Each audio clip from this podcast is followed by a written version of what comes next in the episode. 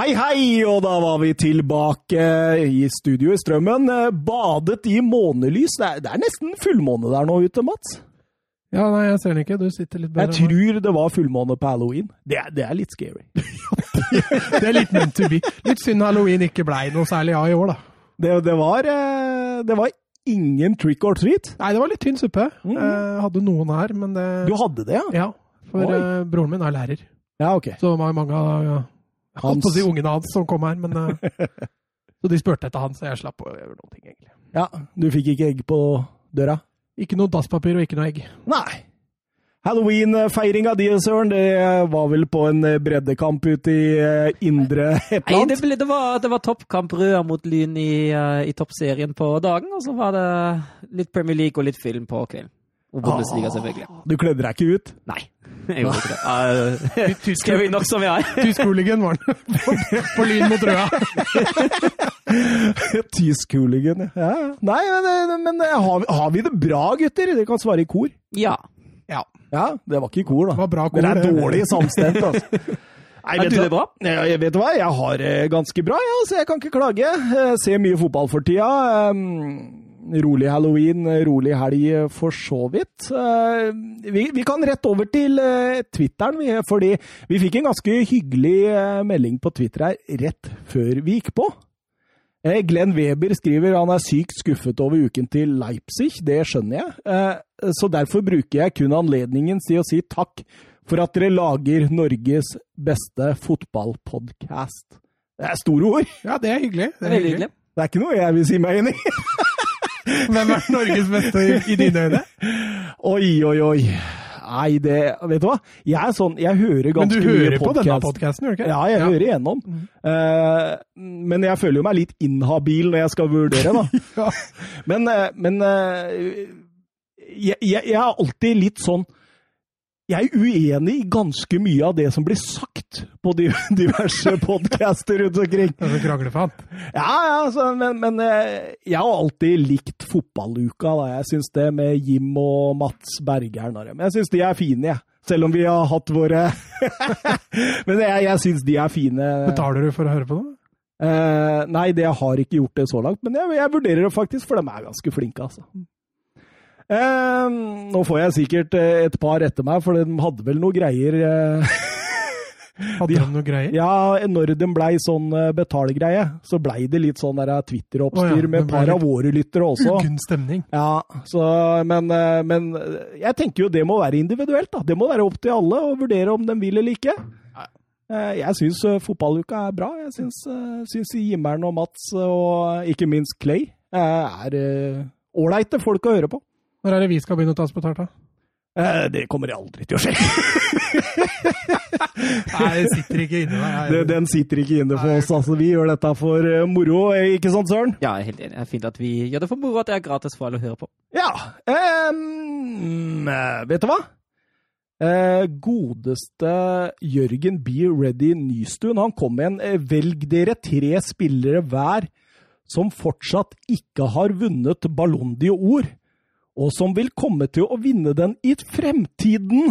Å, den er fin, den. Ja, den, den syns jeg var litt uh, gøy. å- å Ja, du har dra. gjort litt forarbeid, ja. Ja, når jeg så den, så tenkte jeg hvem er dette? Mbappé slenger jeg på med en gang. Ja, jeg hadde Mbappé òg. Ja, Mbappé. Den er grei. Den, det var det første jeg skrev opp her. uh, men, men, men eh, lista mi, da. Og da, da skjønner jeg jo at jeg har jo tenkt veldig ungt. Men tar du med noen av de fra vår uh, Ukas talent her, eller? Uh, Nei, kanskje nei. Du må- Jo, jo, jo, jo, jeg, finner, jeg kjenner igjen dette her. Han tyske, eller? Nei, Nei. Eduardo Camavinga. Oh, ja. Det tror jeg han han Ja, kommer jeg, til sleng, å få jeg tror jeg slenger inn han derre tolvåringen i Dortmund, jeg, som snart skal Bokoko. spille Ja, stemmer. Er han tolv? Ja, han er 14. Nei, 15. Men eh, jo, lista mi, da. Eller altså den Jeg, jeg skrev ned noen aktuelle kandidater. Eh, Mbappé var jo først på lista. Eh, Jaden Sancho. Han har en sånn aura, en sånn greie, at han kan bli det. Eh, Joao Felix. Hva tenker dere om det? Han var ikke øverst på min liste, men eh, ja, altså, hvis, han, eh, hvis han fortsetter utviklinga som han begynte på, absolutt. Han, har jo Han er ung ennå. har potensial til å bli det, i hvert fall. Det er så, det blir så hypotetisk. Ja, det gjør jo det, men, det, men, men, men Talent, spill, spill med nå. talentet til både Sancho og Felix er jo kjempestort. Erling Braut Haaland? Nå spør jeg deg, da, for Søren hater jo Ja, det veit jeg. Men med tanke, med tanke på norsk media, hvis han skulle finne på å vinne Ballon d'Or, da, da må vi flytte ut, tror jeg. Stakkars nisselue på. Eller ja, han hadde hatt stoff i, i, i Skulle flere bare sitte måneder. hjemme, men ikke å gå ut og leite i det hele tatt. Frenkie de Jong? Er ikke det en sånn typisk Ja, men det er en sånn spiller som er nære, men aldri vinner. Ja, ja. Sånn Chavi Iniesta Fordi det er, det er ikke den siste Nei, du lille mangler liksom de ti skåringene i året, da. eh, Kai Havertz? Ja, det han hadde jeg på lista. Det var en av, de, en av de tre som kom i mitt nærmeste. Ja, ja, spennende. Ansu Fati. Ja, han har jo det ved seg, da. Hvem er siste du har, Søren, som jeg kan Lewandowski vinner i år. Ja, jeg, ja jo, det, det kan den godt gjøre. Men, eh, men poenget er at det, det blir jo ikke noe i år. Jo, det, jeg tror, hadde ikke ombestemt seg at de skal gi likevel? Jeg husker ikke. Ja, Hvis ikke så tror jeg han vinner. Ja, Ja. da, da vinner han. Ja. Men jeg, jeg tenkte liksom sånn i fremtiden, ja da, og det, det, det er klart han kan vinne denne sesongen òg, han, men jeg, jeg Hvem tenkte litt vin- yngre, da. Hvem vinner Ballon d'Or om sju år? Ja, ikke sant? Sånn tenkte jeg litt. Ja, da Jeg går for Messi, altså. Er, har det ja, er det innafor? Nei, han har vunnet før. Får ikke lov. Eh, er det du, Mats, som har de fryktelige spørsmåla i dag? Ja, de er ikke så fryktelige i dag, altså, boys. Jeg, jeg sa det til deg at jeg har mista totalt selvtilliten jeg, over dette her, Meri. Ja, og så skal du få noen herlige Wolfsburg-spørsmål nå i innledninga. Ja, så deilig. Vet du hva? Eh, Det var sånn i, i eh, sist sesong av ti spørsmål, så vant jeg en fire-fem på rad. Mm. Og da, da følte jeg jeg gikk på vannet. ja, du fløyt. Ja, du, du kom inn i studio Ja, ja. her, og så bare eh, Give me the questions. Men du følte sånn i forrige sesong òg, at det ikke gikk, og så plutselig snudde det. Ja, ja. Det det. Men nå er det sånn nå, eh, nå føler jeg at jeg sitter med to fotballkarer som er mye klokere enn meg. Ah, stort kompliment. Ja. Men eh, jeg tar ikke deg som en lett motstander i det hele tatt. Det blir jevnt, det her. Jo, Altså. Søren har undervurdert deg, så jeg tror du tar dette. Å, kom igjen! Kom igjen! Nei. Greit, vi kjører litt oppvarming, og da gir vi litt uh, Wolfsburg-spørsmål til deg, Edvardsen, og så får du litt Tottenham, eh, Søren. Å, herregud. Eh, Thomas, Wolfsburg sikra seg seriegull i 09 etter seier mot Verde Bremen i siste serierunde, men skjedde det på Volkswagen Arena eller Weser stadion i Bremen? Ja, ingen forutsetninger. Da tar vi Weser stadion. Søren? Jeg var på den kampen sjøl. Så du var ikke på Weser stadion? Nei, det var jeg ikke. Jeg var på hjemmebane. Så da blei det en feil der, altså. Eh, Søren, Yes. hvem var trener for Tottenham da de tok sin foreløpig siste i gåseøynes store tittel, som var ligacupen i 08? Oh. Var det Harry Redknapp, eller var det Juan de Ramos? Jeg går for Rednap. Thomas? Det er feil. Det er feil. Det var Ramos som dro i land den, altså. Thomas, Ja. hvilket lag var nærmest Wolfsburg i Bundesliga i 09? Var det Bayern München, eller var det Stuttgart? Stuttgart. Det var Bayern. Vant vant mot Stuttgart i psykologisk. Ja, du tok sikkert Jeg håpa på det. Skulle du utdype? Ja, de vant. eh, Bayern slo Stuttgart i en siste serie 2-1 og havna på andreplassen da. Det er riktig, det, Søren Døpker. Du får ikke noe poeng med eh, Thomas, nei, Thomas, jeg, Søren. Hvilket lag var det Tottenham slo i den Ja, finalen i nettopp, 08? 2008 er jo ren gjetting. Det ja, men du kan få to Å, ja. alternativer. Ja, okay, ja, var det Arsenal, eller var det Chelsea? Jeg hadde, jeg hadde Chelsea som første før, så jeg sier Chelsea. Ja. Det stemmer. Det er helt riktig, det, altså. Jonathan Woodgate header inn i ekstraomgangene. Deilig. Å, jævlig kjipt du avslørte det, Edvardsen. Nei! Tuller du?! Nice! Det måtte jo Ja, komme. ja, ja! ja. Da får du litt drahjelp der, altså. Skal vi se. Eh, Thomas? Nei, si, si, si hvem som var spissparet, da. vet du. Ta, ta, ta det neste spørsmål. Det har jeg ikke i huet. Det har jeg. Eh, hvem ble toppskårer for Wolfsburg i Bundesliga den sesongen? Grafite. Er Eller Tsjeko. Alternativene er Cheko eller Grafite. Nei, eh, vet du hva? Jeg har jo tippa feil begge gangene nå. Og det første jeg tenkte, var grafite, så da sier jeg Cheko. Det er feil.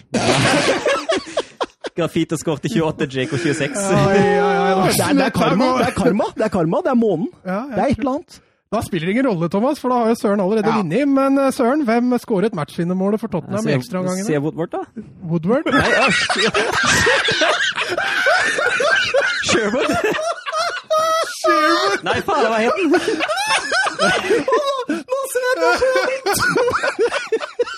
Woodward og Sheryl. Skal du ha alternativ? Ja, jeg skal ha alternativ! Er du kan! Jermaine Defoe eller Jonathan Woodgate? Woodgate, herregud, altså. Ja, ja, et vel...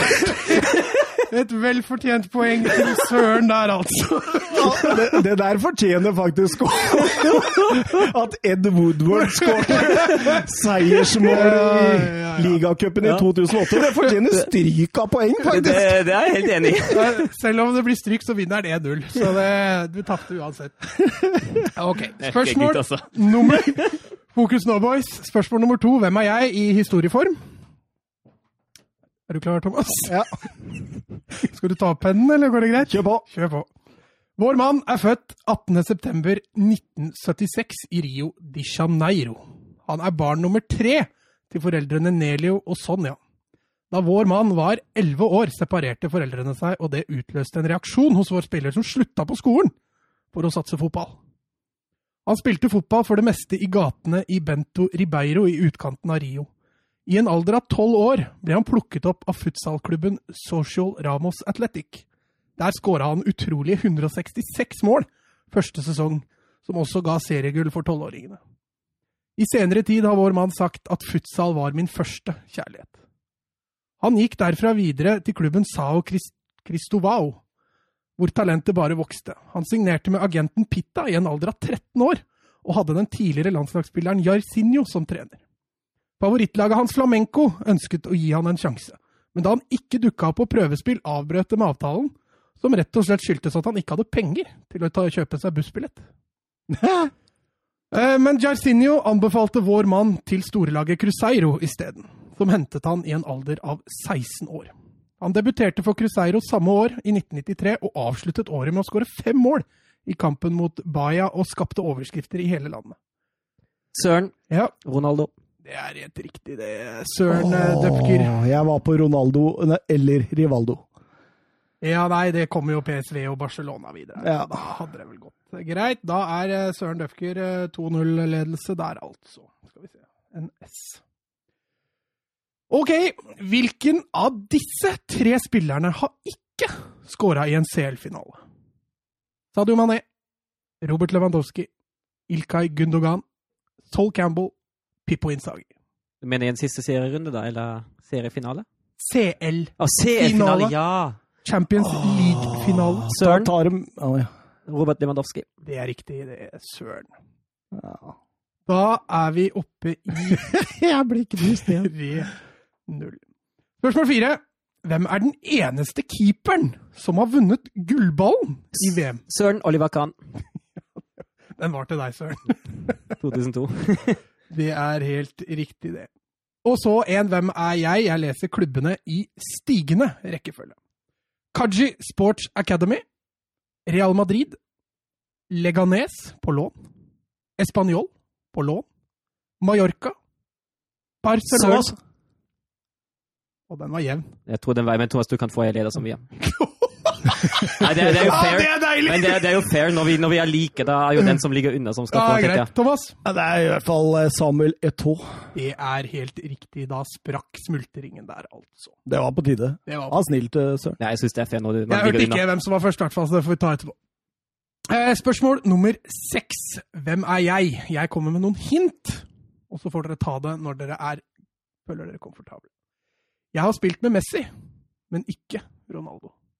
Jeg har både spilt for ManU og Juventus. Jeg har spilt mot Canavaro og Nesta. Thomas. Mm. Patrice Evra. Feil. Jeg har spilt mot Canavaro og Nesta, men ikke van Dijk. Jeg har aldri spilt CL-finale, men jeg har vunnet tolv seriegull med seks forskjellige klubber. Jeg har spilt med Lusti, men ikke Evra. Jeg spiller spiss og omtaler meg selv gjerne i tredjeperson. Søren Zlatan Ibrahimovic. Det er eh, helt riktig, det. Siste der var 'jeg gjør ikke auditions'. Spørsmål nummer syv. Hvor spilte Bayern sine hjemmekamper før Allianz? Søren Olympiastadion. Det er helt riktig, det, Søren Døpker. Den var også litt til deg. Hvilken klubb har tilskuerrekorden i Premier League?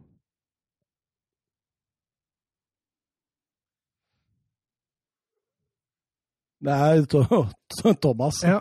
Tottenham. Det er helt riktig, Thomas. Den var til deg! På Wembley, ikke sant? Det er riktig mot Arsenal.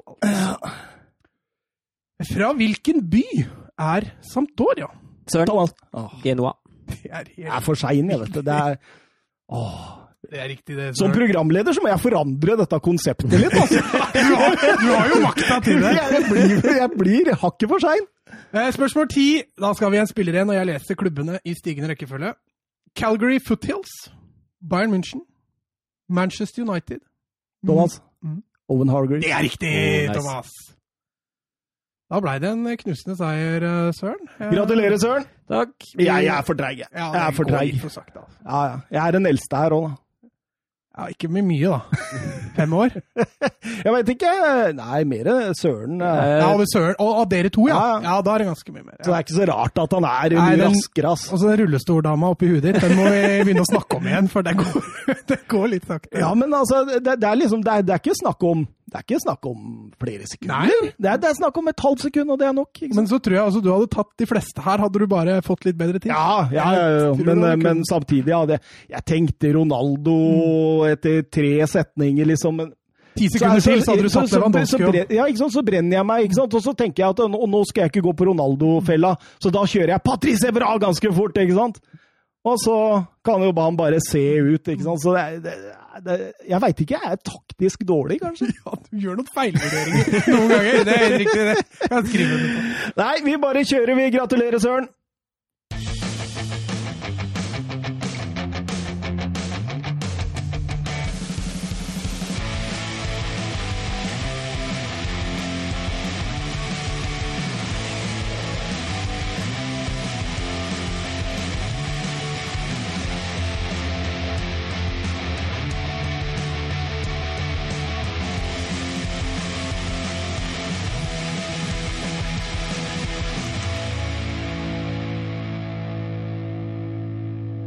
Ja, da var vi tilbake, og ganske fredelig stemning i studio. Det er, det er deilig, det òg.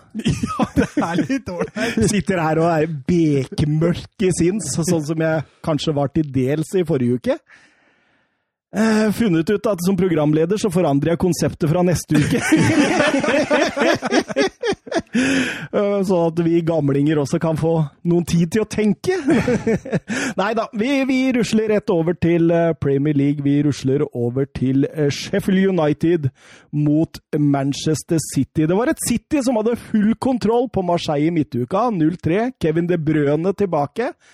Uh, Men ingen rein spiss. Åssen syns du de løste oppgaven, Mats? Nei, sånn etablert så syns jeg det var, det var litt tryggere, dette City-laget her. Eh, De slapp til Sheffield veldig, veldig lite. Skapte jo ikke sånn all verden offensivt, men, men jeg syns det var på en måte et steg i riktig retning i forhold til å kontrollere matchene. Eh, På en annen måte så, så mangler det fortsatt altså litt den der sprudlende offensive City.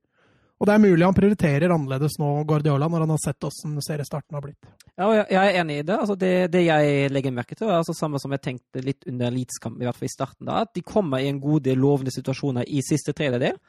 Uh, og i fjor snakket vi om uh, effektiviteten i City i forrige sesong. Nå, nå må man nesten snakke om at man tar litt feile valg underveis i oppbygginga. Altså de skaper jo litt, i hvert fall. Uh, ender jo på en XG på 1,9, men jeg føler at de sløser en god del bort ved feile valg, feile løp, feile pasninger. Uh, og det, er- det er litt rart til et Guardiola-lag å være. Og så syns jeg de er så- der synes jeg det har vært så mye egoister i City i år. Spesielt Mares, som trekker inn, går ofte på skudd, Uh, har ofte bedre alternativer med seg. Det samme kan du si om flere spillere utpå der, som, som velger egoistiske løsninger. Altså. Du ser også målet til eh, Kyle Walker. Det er litt utypisk et Guardiola-lag å skåre fra 35 meter. Banke til. Altså, ikke ta fra Walker noe som helst med den skåringa, men, eh, men eh, det er ikke vanlig å skåre derfra. Altså. Walker har vel eh, åtte Premier League-mål, og seks av dem har kommet fra utenfor boks. Det er vel de måla Kyle Walker skårer, eh, også mot barndomsklubben sin. Det måtte jo skje, liksom. Ja, ja, det var jo han som skulle avgjøre det. Det lå litt i korta, det. Men, men, men tror dere ikke sånn Guardiola nå han, han har jo hatt en sånn periode nå hvor det har vært litt sånn Det har vært svingende resultater. Veldig opp og ned. Tror du ikke han liksom på en måte OK, vi må begynne bakfra igjen? Fordi jeg syns det midtstopperparet, Diaz og Laporte, strålende. Kanskje hvis de klarer å få holdt det skadefri og sånn noenlunde oppe og går, kanskje det beste stoppeparet i eh, Europa. Og Ja, Cancelo Hæ, var du ikke Ja, enig? ja, fordi jeg trodde du skulle si Premier League, for da ville Nei, jeg avfeie. Da ville jeg tatt bort men- kanskje med en gang. Ja, men, ja, ja, men uh, kanskje i Europa, ja. Uh, Cancelo begynner jo å se ut som en skikkelig god venstreback for dem. Han har jo tatt den omskoleringa strålende. Kyle Walker, en av de mest stabile høyrebekkene i eh, engelsk fotball. Og de fire foran Ederson, og en Rodri foran. Rodri har vært litt inn og ut. Han har vært litt inn og ut. Eh, Syns han var bra igjen nå mot Sheffield United. Men dette er jo en kamp som han eh, florerer litt fram i. Ja, absolutt. Eh, så syns det var, eh, var greit defensivt, i hvert fall. Og, det kan godt hende Guardiola har tenkt sånn. Mm. hva tenker du, Søren? Ja, jeg er helt enig. Og det så jo altså, det, det var liksom det samme, de samme taktene som vi snakket om eh, forrige uke mot Arsenal. eh, at han leder 1-0, og i andre omgang blir det mest kontrollering. Eh, ikke det fyrverkeriet som vi er vant til, men eh, en kontrollerende seier som gir laget defensivt trykket. Og det, det er det de har trengt den sesongen her, så langt i hvert fall. For det, det er da de har rota seg bort. De har ikke rota seg bort ved nødvendigvis å alltid skal for lite offensivt, eh, selv om jeg har kritisert dem for det nå. Men det har egentlig vært mest bakover det har vært bekymrende. absolutt. Eh, Manchester City er jo også Premier Leagues halloween-mestere nummer én. Det er ingen lag gjennom historien som har tatt flere poeng på selveste halloween. Så det Er det, noe, er det noe å ta med seg? Eh, Ja, det må jo være det. Nå veit de at de er eh, gode, gode når spøkelsene kommer fram. men, men, men Sheffield United er jo med på dansen i annen omgang. Så lenge det bare står 1-0, så er det klart at uh, trua er jo der hele veien. og det, Jeg tror kanskje det også bekymrer Guardiola litt, at de ikke Men samtidig, de er veldig langt unna å skåre mål, Sheffield United. Altså. Jeg føler ikke at de er spesielt trua av City i den kampen her, men, men så lenge det bare står 1-0, så lever jo spenningen. Så du Guardiola på pressekonferansen etterpå fikk spørsmål om den ja, etter hvert ledige Barcelona-jobben? Å ja! Ja. Nei, det så jeg ikke. Nei, nei, fordi kontrakten hans går ut etter denne sesongen. jeg så han hadde uttalt seg om det, men det er mulig det var fra den pressekonferansen. Ja, nei, nei, han sa det at eh, de får gjøre som de vil, på en måte, der borte. Jeg er i Manchester City nå, Og han håpa å være der lenge. håper å være der lenge. Nei, det er litt. Oi, oi, oi. Det, men det, det- går jo litt imot det han har sagt før, Søren. Ja, det går jo det, for han er jo egentlig allerede på overtid. Uh, han sa jo før, han uttalte seg vel i, uh, i Bayern da han var der, at uh, han mente at det siste året i Barcelona i hvert fall var en feil, og at lagene hans egentlig har fått med seg spillestilen perfekt etter tre år, og at man ikke har noe mer å tilføre det, tilføye det laget etter de tre åra, og at han derfor liker egentlig å gå videre. Men uh, Han har fått Premier League-elsken i seg, han, vet du. Han, han, altså, tror jeg han vir virkelig vinner Champions League med det laget der. Jeg tror det Jeg tror er det han vil lyst til. Ja. Sånn som Pochettino sier det, at eh, skal jeg tilbake, så er det Premier League. Det er, det er Premier League-elsken, gutta! um, Chris Wilder, da, stakkars. Han har 99 seire med Sheffield United-laget. Nå har han gått 11 kamper uten å få den hundrende. Eh, Det er en forbannelse der. ja, det er det. det er det. Han har aldri hatt 11 strake uh, kamper uten seier uh, før som manager. Tung stund for Sander Berge og co. nå. Ja, men samtidig, da, den statistikken her Han har vel heller ikke hatt eh, så mange kamper i Premier League som manager, har han ja? Nei da, men eh, dette var all over for Chris Wyler. ja. Ikke bare Premier League. Eh, nei, altså Sander Berge syns jeg gjør en OK match, hvis vi skal forsvare han Ble litt. hylla i norske medier! Ja da, men det skal vi ta med en klype salt. Eh, Iselø på! Ja. Men eh, jeg tror eh, jeg tror allikevel Berge kom greit fra det. Det gjorde for så vidt Sheffield United òg, men litt samme, kanskje slenger dem litt i samme båten som Brighton, at de har fått litt dårlig betalt i sesongoppledninga. Mm. Opp, nei, sesongoppledninga. Ja, se sesongstarten. Em, Burnley, Chelsea, et lite scenebytte her. Et eh, Burnley som eh, i hvert fall uh, kjempa hardt mot Tottenham sist på Turf men eh, denne gangen eh, fikk de større problemer med Chelsea. Ja, og det skyldes jo at uh, en av de første anledningene der, der kan skåre, faktisk skårer de òg. De skårer et tidlig mål fra utenfor boksen. eh, vi sier ikke etter 26, og da blir jo, må, jo, må jo matchplanen bli litt annerledes for Burnley. Ellers tror jeg de hadde stått samme plan ut som mot Spurs. Keepertabbe, eller? Ja, det står ikke bra. Han står i hvert fall på feil fot og står feilplassert òg. Men, men, men Burnley de er litt spesielle, vet du. Ja, for fordi den- de har dette med blokkeringer og sånt. Og I utgangspunktet så er det jo Dale Stevens der som skal ta blokkeringa. Det er derfor Pope flytter seg til sida. Så dette er avtalt spill. Så Pope eh, Jeg tror, han er, ja, jeg tror eh, Sean Dyche er mer forbanna på Dale Stevens, for å si det sånn. Men, men Siertz, han eh, skårte mot Krasjnodar og, og skårer igjen nå og, og tar virkelig nivået, altså. Ja, men Han også har brukt et par kamper nå. Litt samme som Kai Havertz. Eh, trenger å akklimatisere seg litt, men det ser ut som det også er et glitrende kjøp. Begynner å få ordentlig luksusproblem i den offensive trioen der nå, Frank Lampard. Og Ngolo Kanté litt tilbake til den Ngolo Kanté for et par år siden. Det Var strålende på midtbanen der. Vant baller og, og bare ga den til nestemann. Ja, altså det, men det trenger, Når de skal dytte inn på alle de offensive der, så trenger de en Kanté altså, som dekker enorme rom og vinner masse baller. og, og gjør enkle valg med ballen. Det er, eh, det er det han er best til. Etter pause da, så synes jeg Burnley egentlig er litt tilbake til det Burnley man kjente i hvert fall mot Tottenham. Litt mer kriger, flytter opp eh, eh, flere spillere. Og, for jeg syns det var problemet til Burnley i første omgang, at Wood og Barnes ble veldig, veldig alene. Ja, altså ofte med litt med ryggen til mål òg. Eh, at de får en del oppspill, men at de, de blir for langt unna mål. Og det er som du sier, de bruker altfor lang tid til å flytte unna. Det, det kom litt bedre i andre omgang, pluss at de fikk faktisk noen muligheter bak forsvarsrekka til Chelsea. Det Men ble det, litt mer farlig. men det var egentlig kjørt nå når Kurt Zuma satte Ja, da, da fikk man jo en følelse av at den kampen var avgjort. Det, 200, 200 km i timen, var det det? Ja, det var voldsomt i kraft på det greiene der. Hans tredje mål på seks kamper i år. Han uh, virkelig vært strålende, denne Kurt Zuma. Jeg syns også han har tatt steg defensivt nå, sammen med Thiago Silva. Mhm. Så det ser mye bedre ut uh, for Chelsea. Også det at Mendy har kommet bak der òg, en keeper som faktisk redder skudd. det, de, de har, de har litt å si for dem. En keeper som faktisk gjør jobben sin. Ja, altså, jeg, jeg tror jo absolutt han gir trygg, mye mer trygghet til, eh, til forsvarsrekka enn det Kepa har gjort. Men altså, det, det øste jo uh, null selvtillit over hele, hele Kepa, så Ja, Men, ja. men han ser litt uortodoks ut, Mendy òg. han gjør det. Jeg tenker og- at det, det kan bare være et lite tidsspørsmål der før det kommer en blemme, altså. ja, ja. Ja, men Blemma kommer Særlig i feltet, tenker jeg. Særlig i Ja. feltet der. Men han har noen utrustninger òg, som Ja. kan virke litt sånn som han har en der også, var vel mot Barents? Ja, ja, etter fire minutter der. Hvor, jeg uh, så det diskutert om det ble straffespark. Jo, jo, men en litt mer følsom spiss der Mm. ville jo bare enkelt chippa Ja. den over. Altså, Barents har jo trebein, Ja. og det Ja, ja. ser du jo der. Eh, 70 minutter, 0-3 Chelsea. Da har de full kontroll. Og Timo Werner han gjør det jeg kaller et Timo Werner-mål. Jeg skrev det faktisk ned. Typisk Timo Werner-skåring i notatene. jeg jo. Opp i, i bakrom, få en stikker og sette han kontrollert i lengste.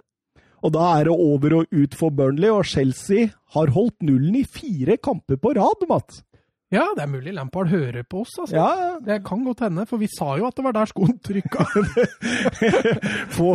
du, du, sa jo det at hun burde sparke han der ah, defensive Ja, som coachen. Tot Tottenham og Chelsea Ja. deler på, ja. Ja, og nå har begge de blitt bedre Ja, etter at du sa det defensivt. Jeg tror det at den treneren har fått fyken, faktisk. Eh, men de han har holdt clean sheet i fem av seks kamper han har spilt for Chelsea.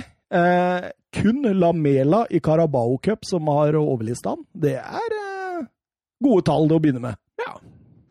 Eh, Burnley derimot, da. Kun ett poeng på sine første seks. Deres svakeste start uansett divisjon i klubbens historie. Bekmørkt. Men Sean Dice er veldig opptatt av at uh, det er det er bedringer i spillet, sier han. Det er bedringer. Han ser at hvis de fortsetter sånn, så blir det Ja, det som også er litt greit for Burnley foreløpig, da, er jo det at det er så jevnt i Premier League. Altså, alle avgir poeng, så det er liksom Altså, du har Sheffield United står fortsatt med ett poeng, du har West Bromwich som fortsatt står med tre poeng. Altså, de tre klubbene har jo fortsatt ikke vunnet. Uh, Fulham ligger ikke så altfor langt unna. Brighton United ligger det er, ikke, det, er ikke så, det er ikke så langt fram, da. Ligger United der? Det er ikke så langt opp, faktisk. Liverpool, uh, Westham. Da skal vi vel til klubben som leder Premier League. Ja, Westham. uh, Liverpool uten Wilson van Dijk, selvfølgelig, eh, i ganske lang tid. Uten Fabinho, uten Matip, uten Thiago, og inn med en Nathaniel Phillips som så å si Jeg tror kun Liverpool-fans har hørt om ham tidligere. Ja, altså, det var, det var, det var to spillere der som kanskje overraska litt. Curtis også, han har jo vært prøvd seg før, men, men han og Phillips blei ble dytta inn. Eh, Westham i en 5-4-1. Eh, Liverpool veldig mye ball, men du ser jo Westham med og uten Antonio. Det er Det, er Det, det mangler angrepet sitt. Ja. Og det er klart, Sebastian Haller kan jo ikke fylle de skoa i det Nei. hele tatt. og vi skrøt fælt av han etter eh, Frankfurt, husker jeg. Vi trodde han skulle endelig være den Ja, men jeg tror han må være i tospann. Ja, han tror kan ikke ja, være altså, alene. i, i, I Frankfurt så var han vel i trespann? Ja, tospann, trespann, alt mulig. Han sto i hvert fall ikke alene på fremste front. Nei, for han var sammen med Jovic, i hvert fall. Ja, Jovic var Det var, var, det var ikke Rebic, Jovic. var ikke Rebic der òg? Jo, Rebic, og så kom Kostic opp. Ja, som har var firespann? Ja. Han trenger mye hjelp, han Haller. Altså. Ja, men det, det gjør han jo som spiller. Mens Antonio er jo en spiller som kan gjøre altså, Som vi snakka om i forrige uke, et Mm. enmannsangrep, så er jo Haller en spiller som trenger litt støtte. da. Mm. Og, og han får ikke mye støtte her, men uh, likevel så tar jo Westham ledelsen av en annen eh, skal vi kalle podcast-yndling etter dette U21-EM, eh, Pablo Farnals. Ja, han dukker opp på en retur der og, og plasserer den eh, fint i hjørnet. En fin skåring. Dårlig, dårlig av Matip. Ja, det skal vi ikke Nei, unnskyld, Gomez. Ja, Ja, Gomez, ja. Gomez Ja, den headinga ut der. Ja. Matip var vel ikke på banen, Nei, så vi får ikke skylde på han. Men, eh, men det var dårlig klarering av Gomez der. Lander rett i beina til Fornals, som er bra. Fin avslutning. Mm. Og etter dette så er det jo det er jo ett spill mot mål. Ja, altså Westham prøver jo å kontre, du ser jo hva de vil. eh, Men, men de får det ikke sånn skikkelig til hele tiden. Jeg synes starten av andre omgang så har de et par tilløp, og man tenker at oi, skal Liverpool slite litt her? Men eh, nei, de eh, fortsetter å grinde. altså. Jeg føler vi har snakka om grinding og Liverpool ganske lenge nå. Men ja, men, men årsaken til at de går til pause med 1-1, da, det er jo et straffespark. Og vi har fått et spørsmål på Twitter fra Sander Midtstuen. eh, Søren, Ja. eh, Moyes hevder Salah filmet på straffesparket Liverpool fikk. Eh, Hva er deres vurdering av det? Det er jo kontakt, det. Eh, det er jo det. Er jo det. Så er det jo spørsmål om Salah må falle som han gjør. Det må han da definitivt ikke. Eh, jeg vil kalle det for overspilling og ikke filming. Eh, Peter Crouch sa jo etter kampen at Salah forsikret seg om at dommeren så at det var kontakt der. Det, altså, det er en formulering man kan være med på. Jeg, jeg mener at det, at det er forsvarlig å blåse straffe der. Jeg syns ikke det er filming. Uh, men når det er sagt, er jeg ikke noe glad i denne type overspillingen heller. Så ja. Altså, det, er, det er sånn fotballen er blitt Ja, nå. Ikke sant? Det, er, det er ikke noe å gjøre noe med. Altså, hvis Salah velger å stå på beina der, så får han nest, jeg vil nesten si garantert ikke straffe. Mm. Når han velger å gå ned, så er det nesten garantert at han får straffe. Men så kynisk er fotball. Så, ja, men det er sånn fotballen er. Ja. Jeg mener at det der er ikke noe poeng å diskutere. Men det er Masuaku som gjør feilen, da, som gir faktisk ja, ja, ja. Du ser, vi får Ja. en hovedkamp etterpå. Litt samme, selv om kanskje den er hakket verre. Men jeg syns egentlig ikke det er så mye å diskutere. Altså. Sånn er Nei? fotballen blitt. Ja, Salah overspiller, og han får så mye mer vondt enn det han egentlig gjør. Men han gjør jo bare det Hus- Husker du ikke Moyes som Everton-trener hadde denne krigen med Louis Luis Suárez også? Eh, Når han sa at Louis Suárez filmer bare og sånt. Og så når Louis Suárez skårte, så løp han mot Moyes, og så bare kasta han seg sånn der Ja, det er Nydelig, nydelig. Så det er jo ikke første Liverpool-spillet Moyes eh, hevder filmer, men eh, Mo Salah han banker ballen midt i mål. En dårlig straffe, egentlig. Jeg tror det var der han sikta. Ja, Kanskje det? ikke akkurat i det Nei. nettmaska, men sånn midt i mål, hardt. Ja. Tror jeg var med vilje. Og dermed skårer Salah da sitt sjuende mål eh, for sesongen. Det er kun Fernando Torres i 09-10-sesongen som har en bedre start med antall mål for Liverpool, så det, det, det er imponerende av Salah. Han hadde jo litt off-år i fjor, hvis vi skal kalle det det. Altså, det var jo ikke et off-år, men du Nei, jeg skjønner hva jeg skjønner, skjønner, mener. ja. Eh, Så han er liksom litt tilbake igjen nå med å være en litt matchvinner og målskårer. Annen omgang er Liverpool stanger og stanger og stanger, men det blir sjelden målsjanser sjøl. Nei, det blir det. Altså, de står jo de står kjempehøyt, og de presser jo Westham langt inn i egen halvdel, unntatt de få løpene som eh, Mats var inne på. Eh, Men det tar jo frem til, egentlig nesten fram til den annullerte skåringa, at det virkelig begynner å brenne foran Westhams mål. Og det må en Sherdan Shakiri og en Diogo Yota til. for Ja, han børster støvet av eh, Shakiri der, og han triller faktisk, kan vi si. det, er, det er akkurat dette Shakiri kan. Ja, men det var litt derfor de henta Tiago, da. De pasningene der, da. Mm. Eh, Men når Shakiri kommer inn og gjør det, du blir jo litt sånn oi. skikkelig innbytteparty på, eh, på Anfield der. Eh, Liverpool eh, grinder, som du sier, inn tre poeng igjen helt mot slutten. Litt samme greia som mot Sheffield. Hardt omkjempet, hardt omkjempet seier. Snudde, til, snudde 0-1 til 2-1. Fikk annullert en skåring bare for å skåre 2-1 noen minutter seinere. Samme historien. Ja, og denne han hylles jo voldsomt, voldsomt nå. Han, han, han, har vel, han har vel skåret sine tre første kamper på Anfield. Det er det ingen i Liverpool som har gjort siden eh, den gamle Luis Garcia, hvis dere husker han. Ja, spanjakken. Ja, ja. Så eh, Men, men eh, jeg har blitt spurt litt av folk hva tror du om Diogo Yota, og jeg har alltid sagt at det blir en dundrende fiasko. og jeg, jeg, jeg, må bare stå for den. Okay. Jeg tror eh, det kommer en dag i morgen der også, det, men eh, han viser jo faktisk at han har litt kvaliteter nå, både for Portugal og, og Liverpool. Ja, så skal vi tre på oss nisselua, så kan vi jo si at han er den moderne Solskjær. ja, ja. Kan vi ikke gjøre det? Det er nisselue på, nisselue på. Eh, Liverpool eh, utvider dermed eh, rekken uten tap på Anfield til 63 i Premier League. Eh, tangerer dermed klubbrekorden sin fra desember 1980. Og det er kun Chelseas 86 kamper på Stamford Bridge eh, fra rundt 2008 uten tap som er bedre. Det er under José Mourinho. vet du. Ja, men 86? 86 kamper på Stamford Bridge da snakker vi faktisk neste sesong, da? Eller eller det er Champions League og alt? Nei, det, det gjelder tot, Nei, det gjelder Premier League. Ja, så da, er det jo, da må vi over Så- så- neste sesong, da, før Ja, de men kan ta det, den den. endte i 2008, den Ja, ja, rekka. men Liverpool kan ikke slå den før i 2021, antakeligvis. nei, den treng, treng, trenger noen eh, kamper til. Ja. Over til hovedkampen vår, da, gutta. Ja. Manchester United mot Arsenal. Det 233. møtet mellom lagene. United har 99 seire mot Arsenal. Eh, Det betyr at eh, Solskjær i sin kamp nummer 100 som manager kunne sørge for Manchester United sin seier nummer 100 mot eh, Arsenal. Arsenal har 84 seire av de 233 møtene. Tilsvarende sist sesong. Er det noen som husker? Ja, det blei Var- uh, Vant ikke Arsenal 2-1? Nei, nei, satan. Det var jo på, det var på Old Du Trafford. satt jo med statistikken der i Ja, stad! Jeg vet ikke hva som skjer i dag, altså. Vi var ganske klare her i stad på at Herregud, eh, altså. Arsenal har ikke vunnet mot topp 2006, seks ja, selvfølgelig.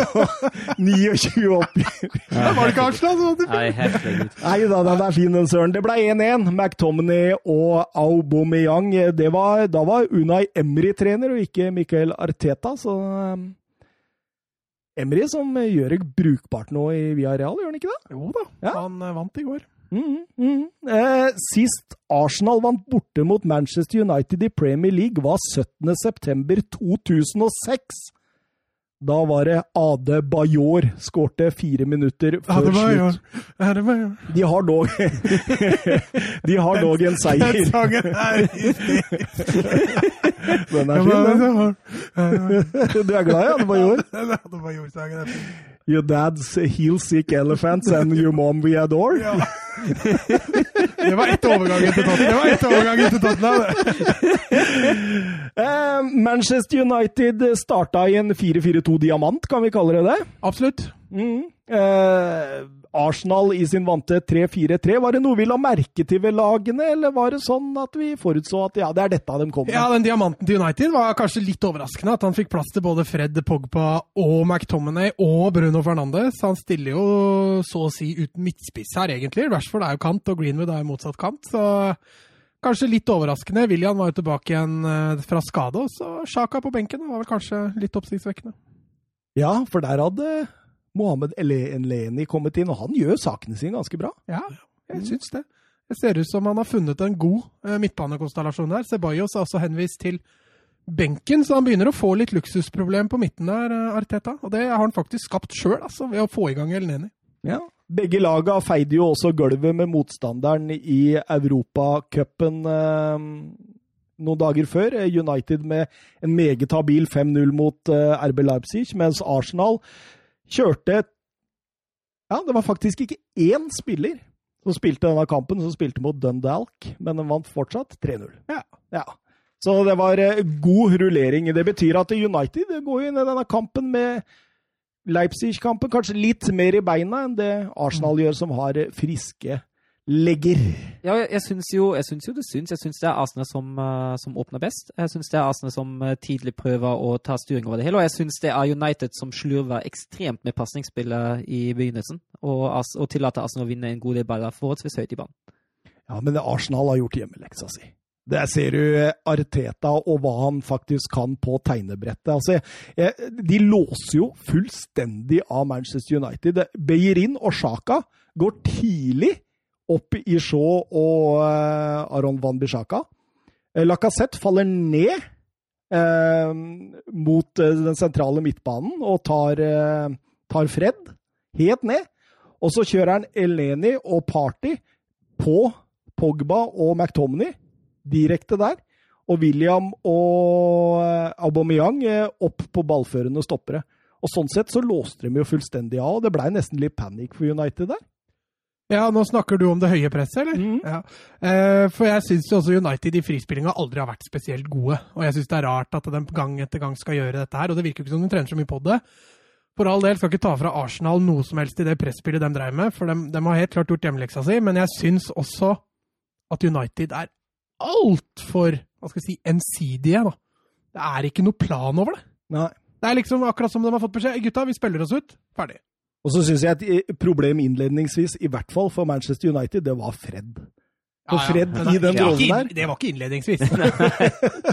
Men spesielt i hvert fall innledningsvis, når de sleit med å spille seg ut der, og Arsenal kjørte det høye presset. Han, det er for mange touch. Det går for seint. Han distribuerer ikke ball fort nok. Han klarer ikke å, å spille seg ut. Og Altså, du må Altså, enhver god taktisk trener, da, ville ha gjort et grep der ganske tidlig. Ja, altså, altså, altså, det er jo han som dropper mellom forsvarstreeren eh, mellom forsvarsfireren ja. for, for, å få de ballene til å spille seg ut. Men det samme gjelder jo delvis Pogba òg. Ja, ja, altså, han er jo et vandrende balltap i en mm. periode der, eh, sammen med Fred. Altså, du kan jo trekke inn McTominay òg, men han er jo ikke noe god ballfordeler, han heller, ikke sant? Så, men nå er vi på ferdigheter, selvfølgelig. Ja, absolutt. Um, Første sjansen får jo Aubameyang der, United med ni mann bak ballen, og likevel så klarer Arsenal å rulle ut mot Beirin, som var eh, bra i denne kampen. Strøken innlegg mellom David De Gea og Uniteds firer der. Eh, et bevis på hvordan Arsenal satte opp to mot én hele veien på kanter. Ja, og det var eh, Altså, det gameplanen fungerte såpass bra i forhold til at United spilte såpass smalt, da. Så det var det var godt sett av Arteta underveis der også å gjøre den lille justeringen for å få de overtallene på kantene. Gang på gang. også Van Bissaka reddes av sine fantastiske taklingsferdigheter veldig ofte, mm. men de har ikke de samme ferdighetene på venstre. Så så liksom Beirin fikk ofte litt mer fordel enn det ja, Saka, Saka, ja. Saka. Ikke Sjaka, men Saka. Det er mye Saka og Sjaka. Ja, det er Van Bissaka òg. 21 minutter. Da får United kanskje sin første sjanse. Ja, kanskje. Ja, og kanskje den eneste i første omgang også. Ja, men altså, den pasningen til, til Rashford på Greenwood der tenkte jeg litt, Det er litt Bryne-vibes over det hele der, altså. Det var en det nydelig pasning. Og så er det, det er litt det er, det er, en nummer ni-avslutning òg, vet du. Får en så bra kontrollert, hardt av, hard avslutning. Det er litt synd det er skrått hold her, hvis ikke så hadde den fort uh, gått inn. Den, altså.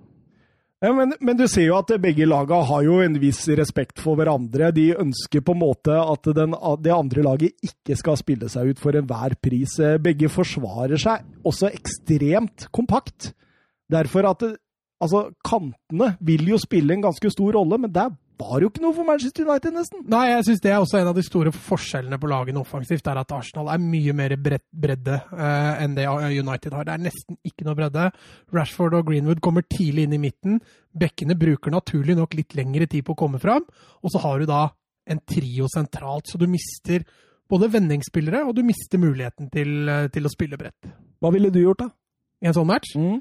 Jeg tror ikke jeg ville starta så trangt som det han gjorde. Altså, en, en trio sentralt det følte jeg egentlig med en gang blei ble feil. Når jeg så lagoppstillingene, så tenkte jeg at tipset mitt var, hva, hva, hva, var godt. godt. Ja, vi kommer tilbake til det. Ja, vi kan gjøre det. uh, men samtidig da, så ønska jeg jo Pogba inn i banen, nei, inn på elveren. Mm. For jeg veit jo at han, han, har jo sitt å tilby. Men uh, å spille uten kanter Nei. Jeg tror ikke det er, det er litt farlig Det er litt skummelt offensivt. altså For United taper seg så veldig offensivt. Ja, og så er det jo særlig hvis du møter da en, uh, en tre- eller fembekslinje. Det er jo mye rom bak nettopp de vingbekkene til Arsenal, og du klarer jo ikke å utnytte det i det hele tatt i den formasjonen der. Altså, greit nok du demmer opp veldig mye sentralt, for det, var- det gjorde United jo bra. Demmer opp sentralt på spillet der, men Arsenal spilte jo nesten ikke sentralt, så det hadde egentlig ikke noe å si.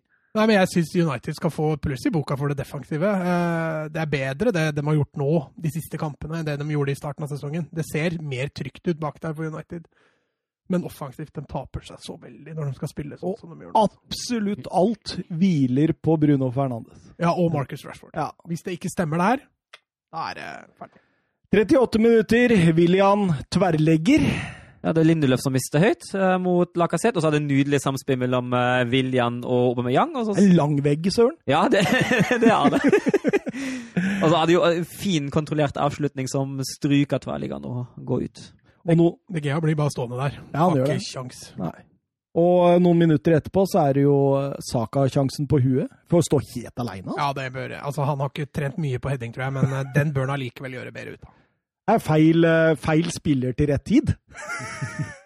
Hvis du skjønner hva jeg Jeg skjønner hva du mener. Eh, Det er men, eh, Han hadde sittet med Lacassette. det Lacassette, ja. Ja. Men ikke, kanskje ikke med Aubameyang. Nei, men nå er ikke Nei, nei, nei jeg er enig. I hvert fall ikke med PP. I hvert fall ikke med PP. Han hadde prøvd å tatt den ned på tatt og dempe han. Og, ja, ja.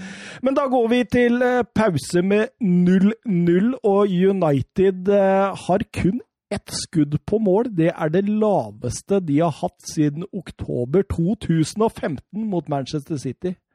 Så det er åpenbart at det har kosta litt eh, Den defensive tryggheten har kosta litt offensivt. og Så litt på TV 2-studioet der. Brede Hangeland han hylla den taktiske duellen i matchen. Eh, Jeg syns det knapt nok er en duell. Jeg syns Arteta vinner den så det synger.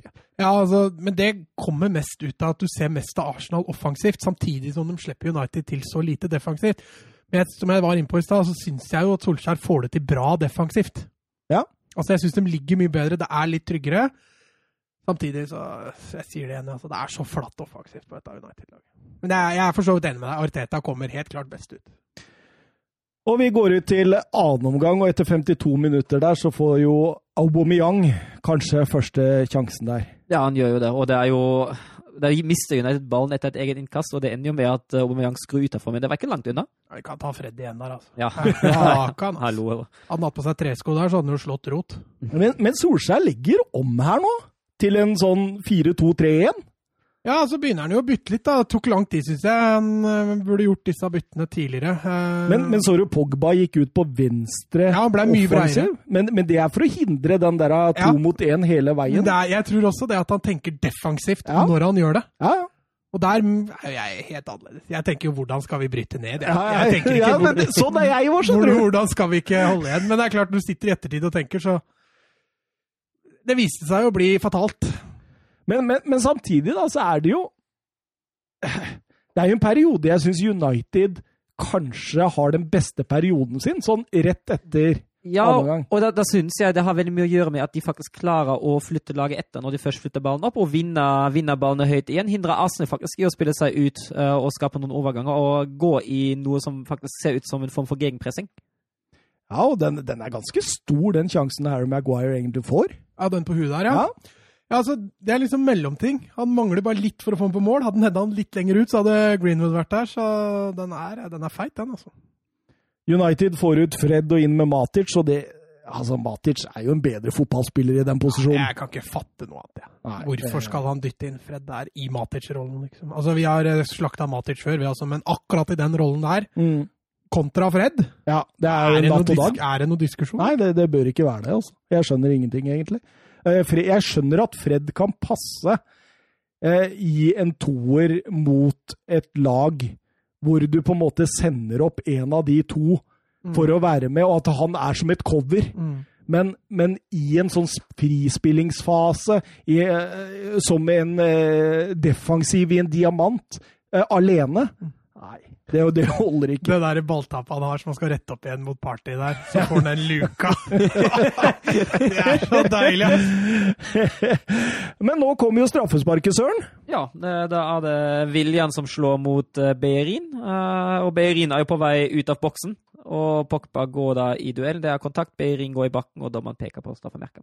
Svakt av Pogba, eller? Han Ja, må bare veldig. føre. Veldig. Ja, her er vi også litt tilbake igjen til det med overspillet, da. Men her er kontakten kanskje enda litt større. eh, Sånn at det er jo ingenting å si på straffespark. Og rutinen til Pogba der kan man også stille spørsmålstegn ved. Altså. Pogba har lagd tre straffespark imot under Ole Gunnar Solskjær, og er dermed den spilleren som har lagd flest straffespark imot. Eh, liten sånn Jeg tenker det må være en skikkelig sånn nøtt for Solskjær, denne Prosjekt Pogba. Ja, det tror jeg. Det er litt prestisje i det, samtidig som at det det fungerer jo ikke. Nei, det gjør jo ikke det. Eh, Og hvor er Pogba best? Jo, han er best uh, som en indreløper i 4-4-2, men det spiller jo ikke United. Indreløper i 4-4-2. Ja. Som en av de to sentrale. Ja, gjerne ikke det? Jeg ville jo dytte han opp i Fernandez-rollen, ja. Mm, Ja, ville du det, altså? ja. Nei, Det var jo der han spilte når han spilte så bra i starten med Solskjær. Ja, men i Juventus så spilte han vel ofte i Ja, der spilte han Ja. der spilte jo 4-3-3. Men det var jo rein 4-3-3. Ja, som en indreløper Som der. indreløper, Ja, stemmer, stemmer. Eh, Aubameyang han gjør jo ingen feil. Setter den eh, kontant i mål. og Arsenal leder 0-1, og da tenker man at eh, nå kommer det vel en reaksjon. Eh, det gjør ikke sånn umiddelbart, i hvert fall. Nei, det tar vel, eh, tar vel eh, sju minutter før Cavani blir putta inn for Greenwood, da.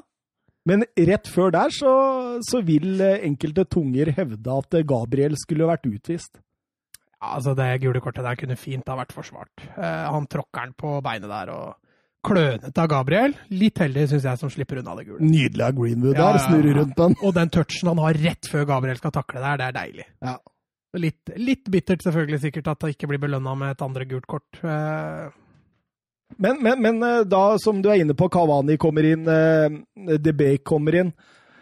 Ja, og det, altså, Men, men å ta ut Bruno Fernandes nå ja, det er, altså, det, det, den skjønte jeg ikke helt heller, for han har ikke hatt en god kamp. det er helt enig i. Han var ikke god Nei, i de nei, nei, 75 for all minuttene, men, men nå handler det om å knekke et Arsenal som legger seg, legger seg ned og forsvarer seg. Uh, og da trenger du en kreativ spiller som kan slå de kreative pasninger. Uh, og da er jo Bruno Fernandes den beste du har i laget ditt, egentlig. Ja, altså for DB er jo god til å gå på løp Ja. inn i boks. Men hvem skal slå ballene på ham, da? Hvem skal slå ballene på nå? Må bli Pogba, da. Ja, ikke sant? Ja. For han surrer jo fortsatt rundt utpå der. Nei, Jeg, jeg skjønner Nei, ingenting av det kan, byttet kan fint ta ut McTomney òg, altså, i hvert fall i en sånn fase nå, så Ja, ja. det gjelder å bli For- mer offensiv. Altså. For all del, for all del. Jeg bare forsto ikke det, for det, Ja, er nå ligger det jo an til at Arsenal legger seg litt, ikke sant? Og så tar man ut den spilleren som faktisk kan åpne lavtliggende eh, forsvar. Mm. Nei, jeg skjønner ingenting. Det, det, at han ikke har fått mer kritikk for dette også i ettertid, det jeg fatter ikke egentlig. Men for Arsenal blir jo veldig lave. Ja, men allikevel så har de jo OK kontroll. Ja, ja, ja. jo, Det, det, Det er jeg, er mange... ikke helt sikker på om Leno var helt enig i det når han får den der fra El Neni i huet. Og Ja, i ja. Nei, det er klasseredning. Det er klasseredning. For Det er, den men er, der, er, close. Altså. der er det mye tilfeldigheter òg, da. Går via to stykker før den går ut til corner der. Men Matic vil også ha straffe. Nei. Nei, Nei. det det ikke. Nei, helt enig. Helt enig. Men det blir et voldsomt trykk, og, og, og eh, Ja. Hvorfor får de ikke til dette før? Tror Nei. du det er pga. Arsenal? Eller Nei, jeg er- tror Arsenal legger seg mer. Ja. Jeg tror jeg helt sikkert. Ja, jeg tror det òg. Men, men det er liksom litt bemerkelsesverdig at United ikke klarer å få sånn trykk på motstanderen oftere. Mm. For det tar altså 80 minutter, og de ligger under 1-0 før de greier å etablere seg på motstanderens banehalvdel. Og jeg tror de hadde i hvert fall fått et par sjanser til, hadde Bruno Fernandes fått vært på banen der og styrt spillet. Mm. Det, det, det blir litt som om uh, i håndball, da, om laget ditt eh, får eh, to to-minutter, og dere spiller med fem mann, og så tar man ut hun der av Stine Bredal Oftedal. Det, det, det blir så dumt, da. Jeg kan ingenting om håndball. Nei, jeg prøver å sette det, litt Det blir litt da som når hopplandslaget til Tyskland tar ut Sven Hannavall. Ja, det, det blir søren som en sånn eh, eh, ja. En sånn der eh, teamhopp, er det ikke noe som heter det? Laghopp, ja, ja, ja, ja, det. Og så, og så eh, finner Polen ut at eh, Nei, nei, altså- nå tar vi bort Adam Malish. Ja, det er en dårlig idé. Ja, nå, ja, nå, nå, nå stryker vi Tyskland han. må hoppe fra lavere sats, og så tar du bort den beste hopperen din. God idé, det, ja. Nei, men altså, jeg, Nå, det ble gode, mye gode eksempler der. Nei, men jeg, altså, jeg er jo helt enig. blir at- som regjeringa tar ut Erna Solberg nå under en covid-19-krise, og erstatter med Carl I. Hagen. Åh. Den var drøy, den var drøy, Thomas. Eh, Arsenal eh, tar dermed alle poengene, kommer opp på niendeplass eh, med tolv poeng. Manchester United er helt nede på femtendeplass, som du var inne på, Mats. Eh, poeng. Allerede ni poeng bak Liverpool, altså. Ja, én kamp mindre spilt, da. Eh, Det kan redde dem bitte, bitte, bitte lite grann, men de har altså nå fire strake hjemmekamper uten seier i Premier League. Eh, Søren, skal vi orke å ta dette resultattipset, eller? Skal vi ikke bare gi poeng til Mats, og så begynner vi å satse penger på det der? Hører det er enkelte av våre lyttere her nå som kommer til å satse store summer på Mats framover, så han har presset på seg nå. Ja, det er sjukt. Tre på rad, altså! Tre på rad. Ja, godt jobba. Altså, imponerende. Du har tri- tippa, og, og det, dessuten, du var jo egentlig på 2-1 til eh, Serbia mot Norge òg, bare Ja. det skjedde ikke etter 90. Så sånn i utgangspunktet så har du fire riktige han, tippetegn. han hadde egentlig rett. Han hadde egentlig Ja, jeg sa det da òg, at jeg hadde Ja. egentlig rett, men Da da, fikk ikke poeng for da Nei. feide du meg av banen med en gang. Ja, det gjorde jeg, men denne gangen får du to poeng, og det er vel fortjent. Det burde egentlig vært tre poeng altså, for å tippe riktig resultat. Jeg mener det. Det er hakket har ikke verre enn å tippe vil, du vil ikke ha noe spenning i det hele tatt? Nei, jeg vil lede så mye at jeg bare kan slappe av. Nå- For nå stikker du ifra her. Ja, eh, Voldsomt. Eh, Jeg og Søren må opp i ringa, Søren. Ja, vi må det. Men det er litt viktig. altså Jeg så det var noen som skulle tippe på dette, ja òg. Det er viktig at man ikke gjør, for da kommer dette til å gå dårlig. Ja, men jeg tenker jo for, Ja, for, Jeg setter en hundrings for på det. Thomas og meg er det vinn-vinn. Altså, så vinner vi penger, så går det dårlig for deg, og vi har en sjanse. Ja. Altså, det, Vinn-vinn. Vi, vi satser på deg, Vinn og Mats. Altså, det, det er bare å legge ned Morten Langli og Unibet og Betson og alt som er. Dere må stole på Mats Granvold. Ja, vet du hva, Hvis jeg tar neste, da Da legger da, da legger jeg opp. Fire på rad, det skal ikke være mulig. Da er vi inne 90 minutter med broren til Mats, Søren. og Mats har lagt opp.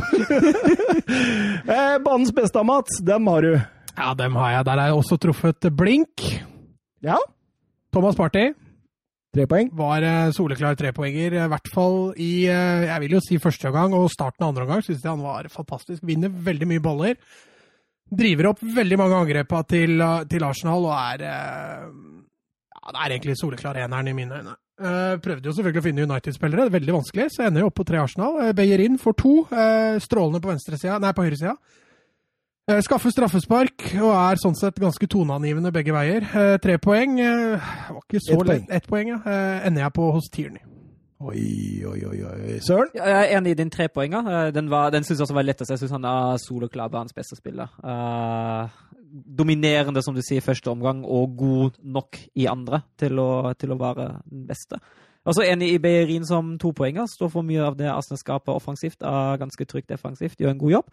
Eh, på ett poeng har jeg valgt å ta Gabriel. Deilig, deilig, deilig. Vet du hva, Søren? Du har samme liste som meg. Ja. Akkurat. Party, Beyerin, eh, Gabriel. Eh, nå kunne Gabriel fått det røde kortet, da. Og Ja. da, hadde, da, da sier Søren det, Ja, da får, ja, men- hadde ikke Søren men, da, men da, da mener jeg altså, nå, nå, nå mener jeg at det ikke er feil å la han spille videre. Og det er sånn det jeg skylder på, at på Pickford var det direkte feil å la han spille videre. Ja, nei, det, det, du skal få den, Søren. Arsenal har dermed vunnet eh, borte mot eh, tradisjonell topp seks for første gang siden 2015, som vi var inne på. Mens United har ikke vunnet noen av sine fire første hjemmekamper. Sist det skjedde, var i 1972-73. Begynner å bli mye negative rekorder for Solskjær her. altså. Og den sesongen, da blei de nummer 18. 18! Orka ned! Eller, eller, eller var det 24 lag i Premier League da? Jeg husker ikke. Jeg har ikke Nei, du husker ikke det! Jeg har. Seks år før jeg ble født, og jeg husker Nei, ikke. jeg husker ikke. Nei. Eller det er til og med åtte. Um, Solskjær spør uh, Fredheim her. eh, Sy synes han gjorde en taktisk OK kamp. eh, flink til å variere innad i matchen også. Er dere enige med Roy Keane, som uh, mener at spillere svikter Solskjær? Oi! Taktisk OK. Jeg har jo slakta egentlig taktikken. Nei, han gjør grep, han prøver, Ja, så han skal få, få OK av meg òg. Men, men Jeg, Jeg også gir noe OK for det defensive. men Roy. Keane hadde en uh, tirade. Men det har han hatt før òg. Ja. Han mener jo det at spillere kommer til å kaste den under bussen allikevel. Ja. Som de gjorde med Mourinho, sa han. Som Ja. de gjorde med For han er veldig opptatt av at det ligger et eller annet i mentaliteten hos spillerne der. Men så ser jeg også mange av de gamle eh, lagkompisene til Solskjær. Freder han liksom lite grann. Mm. De er aldri sånn Gary Neville og sånn, aldri sånn kjempekritisk til Solskjær. Men jeg hørte en annen podkast Det var i dag, tror jeg. ja. Eh, hvor de snakka med han eh, England-korrespondenten over eh, Og han sa at han, han har jo vært på veldig mange av disse Premier League-kampene uten publikum, ikke sant? Og det lydnivået på Manchester United, måten de snakker med hverandre, er vesentlig lavere enn andre oss andre lag. Han sa for eksempel, han, hevda at eh, Jordan Henderson da, er jo en sånn du, han, du hører han brøler i 90 minutter. For å, for å liksom, men mens i United så er det platt, sånn. Det er stille. Mm. Det, hva tenker vi om det? Mangler ledere, da. Ja, det kan tyde på det. Det er stille. Det er stille fra DGA, det er stille fra Maguire, det er stille overalt. Eh, men det er jo bare noen dager siden de knuste RB Leipzig. Ja, men Det er det som redder Solskjær. da. Altså Først får han et resultat, så går han hen og slår Paris. Får han et nytt dårlig resultat, og så går han hen og slår Leipzig. Et nytt dårlig, United har i morgen da? Ja, det er vel Det er jo det Barzak, Barzak het, ja. Ja, Bare legge inn 6-0 med en gang. Ja, der har du det, Jørgen. Der har du Jørgen. På 6-0 der. Han gjør det, han òg. vet du hva. Han hører allerede i natt, han når han er det. Jeg er ikke sikker på. Han er gæren. Ehm, men, men så, så er det Rio Ferdinand nå. Begynner å sette spørsmål om Maguire. Ikke sant? Er han god nok? Det har jo vi gjort i Det spørsmålstegnet har vært stilt før. Eh, Solskjær, liksom at eh, har han ikke respekt, har ikke spillere respekt for han? Solskjær eh, må ut og forsvare Pogba for 17. gang. Men altså, det tenker jo, altså, det, det er jo litt hans jobb at spillerne faktisk følger ham og har respekt for ham. Altså, jeg tenker Hvis du, hvis du er en god fotballtrener og tar gode valg og er god til å lede gruppa di, da får spillerne respekt for deg. De mister respekt hvis de for, ikke forstår hva du driver med. Eller du gjør et eller annet som får dem, at, eh, som får dem til å hate deg. Det, er- det er jo det som skjer. Det er jo til syvende og sist Solskjærs eget ansvar at spillerne respekterer ham. Men, men, men se Manchester United nå, kontra Manchester United når Solskjær tok over for 100 kamper siden. Har vi fått en klar identitet? Har vi fått en klar sånn OK, han er sjefen på, på, på stoppere. Det er konstellasjonen som gir best resultater på midtbanen. Han skal skåre måla våre. Har vi fått noe svar? Nei, Eller synes, er det Jeg, samme? jeg, jeg syns ikke det. Jeg syns ikke vi har fått Nei, noe svar. Jeg syns ikke det er etablert noe, etablert noe der, altså. Ikke det hele. Det, det samme at det ikke er det som, eh, som vi snakket om nå underveis i hovedkamp. Det er ikke noe etablert noe klar spillidentitet heller. Det er ikke noe klar plan. Nei, nei, det er det jeg mener. Nei, og så er det jo det som, vi var inne på, det varierer så veldig. Fra den ene kampen så tenker man oi, nå er de i gang. Nå har Ja, han men det, funnet det er veldig ofte lag som gir et bakrom. Der er Manchester United god, men det har de vært siden Solskjær tok over i dag igjen. Ja, men Ja. det spiller jo ingen rolle om det er mot Leipzig eller PSG eller Altså, det, det er jo lag som kanskje ikke de forventa skulle slå, da. Hæ? Men allikevel går de hen og vinner.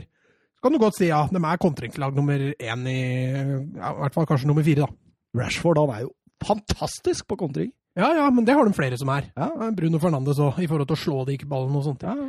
Eh, men det er liksom den planen som du sier, når motstanderne ligger lavt. Her har de uh, store utfordringer. Det er det eneste som, eh, som de må satse på, at Bruno Fernandes har en god dag og er i form. Da funker det. Ja, men det, det er jo det det går på. Og så husker jeg vi Den er hadde tynn, søren. Den er tynn. Ja, å drive og tenke sånn. Ja, Men det- det er jo riktig. Men, men det er jo, altså, jeg, tenker, det, det, jeg sa det, til, sa det før til, en- til en kompis i en pubdiskusjon, eh, at hvis du i 2020 i din fotballplan er avhengig av en enkeltspiller, da er det altfor dårlig. Det går ikke. Det, har, det, går, det gikk kanskje på 90-tallet hvis Maradona er god, er Argentina er god, greit nok, men det går ikke på, i 2020 lenger også. Det er litt sånn i Barca òg. Er Messi Ja. god, er Barca god. Apropos.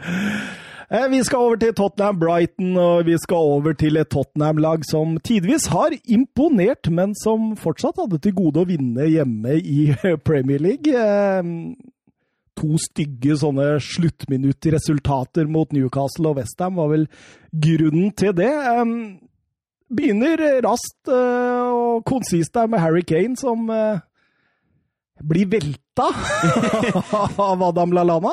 Ja, så så vi jo den millimeterstraffa som Sheffield fikk forrige runde. Nå var det Tottenham som fikk den. Den måtte inn og måles, den.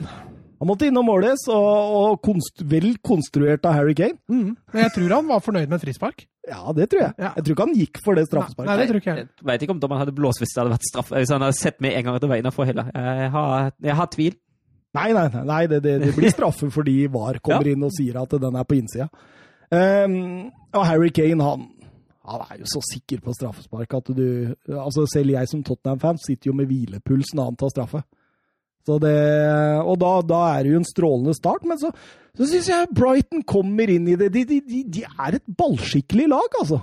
Ja, jeg sa det jo over Sheffield at dette er et lag som ikke har fått så godt betalt som de kanskje burde. Brighton er vel kanskje det laget som har fått dårligst betalt. Så også i den kampen her så skyr de ikke så veldig i forhold til at de møter Tottenham. Nei da. Og det, altså det, tar jo, det, tar jo, litt sånn halvspilt omgang, kanskje, før Brighton kommer seg skikkelig. Jeg syns Tottenham har full kontroll i starten, men etter sånn 20-25 minutter da kommer Brighton og spiller Tottenham faktisk ganske lave.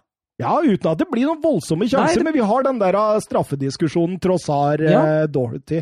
Hva tenker vi om den? Nei, altså det, det jeg tenker, og det, jeg syns det er vanskelig å sammenligne La Liga og Premier League og på tvers, men reglene bør jo være like. Og hvis jeg husker den straffen som Sergio Ramos fikk forrige uke, bare den holdninga til, egentlig, og hvis jeg ser den holdninga nå, jeg, jeg, ser egentlig ikke noe voldsom forskjell på de to. Uh, jeg syns egentlig det kunne fint gått an å blåse straffe der.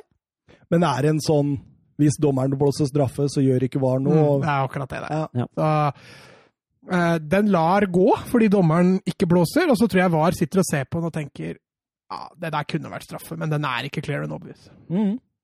Og da går man jo til pause med 1-0, uten at det har vært noe voldsom fyrverkeri av fotballkamp. Det kan man ikke si. Jeg syns Spurs kommer bra ut av det i annen omgang også, med kjører bra på, men eh, det er Brighton som eh, skårer. Vel eh, omdiskutert. Ja, hvis VAR var imot Brighton der, så får de det litt med seg, føler jeg. Altså, Det er ikke VAR sin skyld på noen måte, det er vel egentlig mer dommeren, tenker jeg. Jeg vet ikke om det er litt kompensasjon. Ja, for, for VAR sier jo til dommer her at uh, den må du se på. Mm.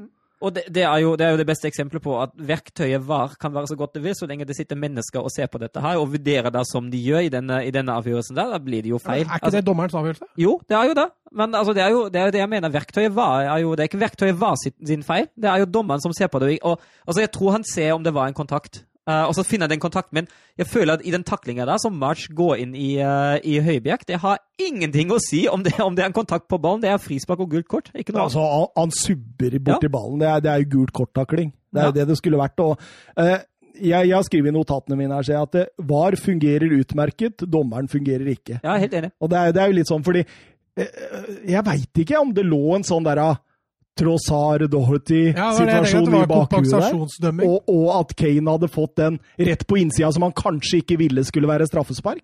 Så det, det, ligger en sånn der. Fordi når han går bort på skjerm, ser på skjerm, og går tilbake til Harry Kane så viser han med at han er borti ballen, og da ser du uttrykket på Kane er sånn Er det mulig? Ja, altså det, det, det, det var en uh, så på Twitter gikk det også en teori om at han sto så godt plassert og så det så godt i utgangspunktet at det satt ekstremt langt inne for å svelge egen stolthet og innrømme feil der. Uh, kan hende at det har noe å si, det òg.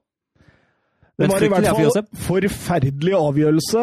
Eh, Høibjerg må jo ha tenkt hva åssen idrett er det jeg driver med, så om dette er lov. Forresten en Høibjerg som var banen senere, eller? Ja, men han har vært god flere kamper nå, syns jeg. Han ja. står virkelig bra fram. Altså, ser ut til å bli et strålende kjøp. Men eh, Tottenham eh, de hiver innpå Lo Celso, de hiver innpå Gareth Bale, og det er en gammel Real Madrid-duo som eh, ordner 2-1, Mats. Ja, han ene er ikke så gammel, da. Eh, han andre er jo litt gammel. Uh, Regilon finner Bale her. Uh, slår med feil bein, faktisk, Regilon. Ja, Han går litt inn igjen for ja. å Det er et strålende legg, og Bale. Er ikke ferdigskåra?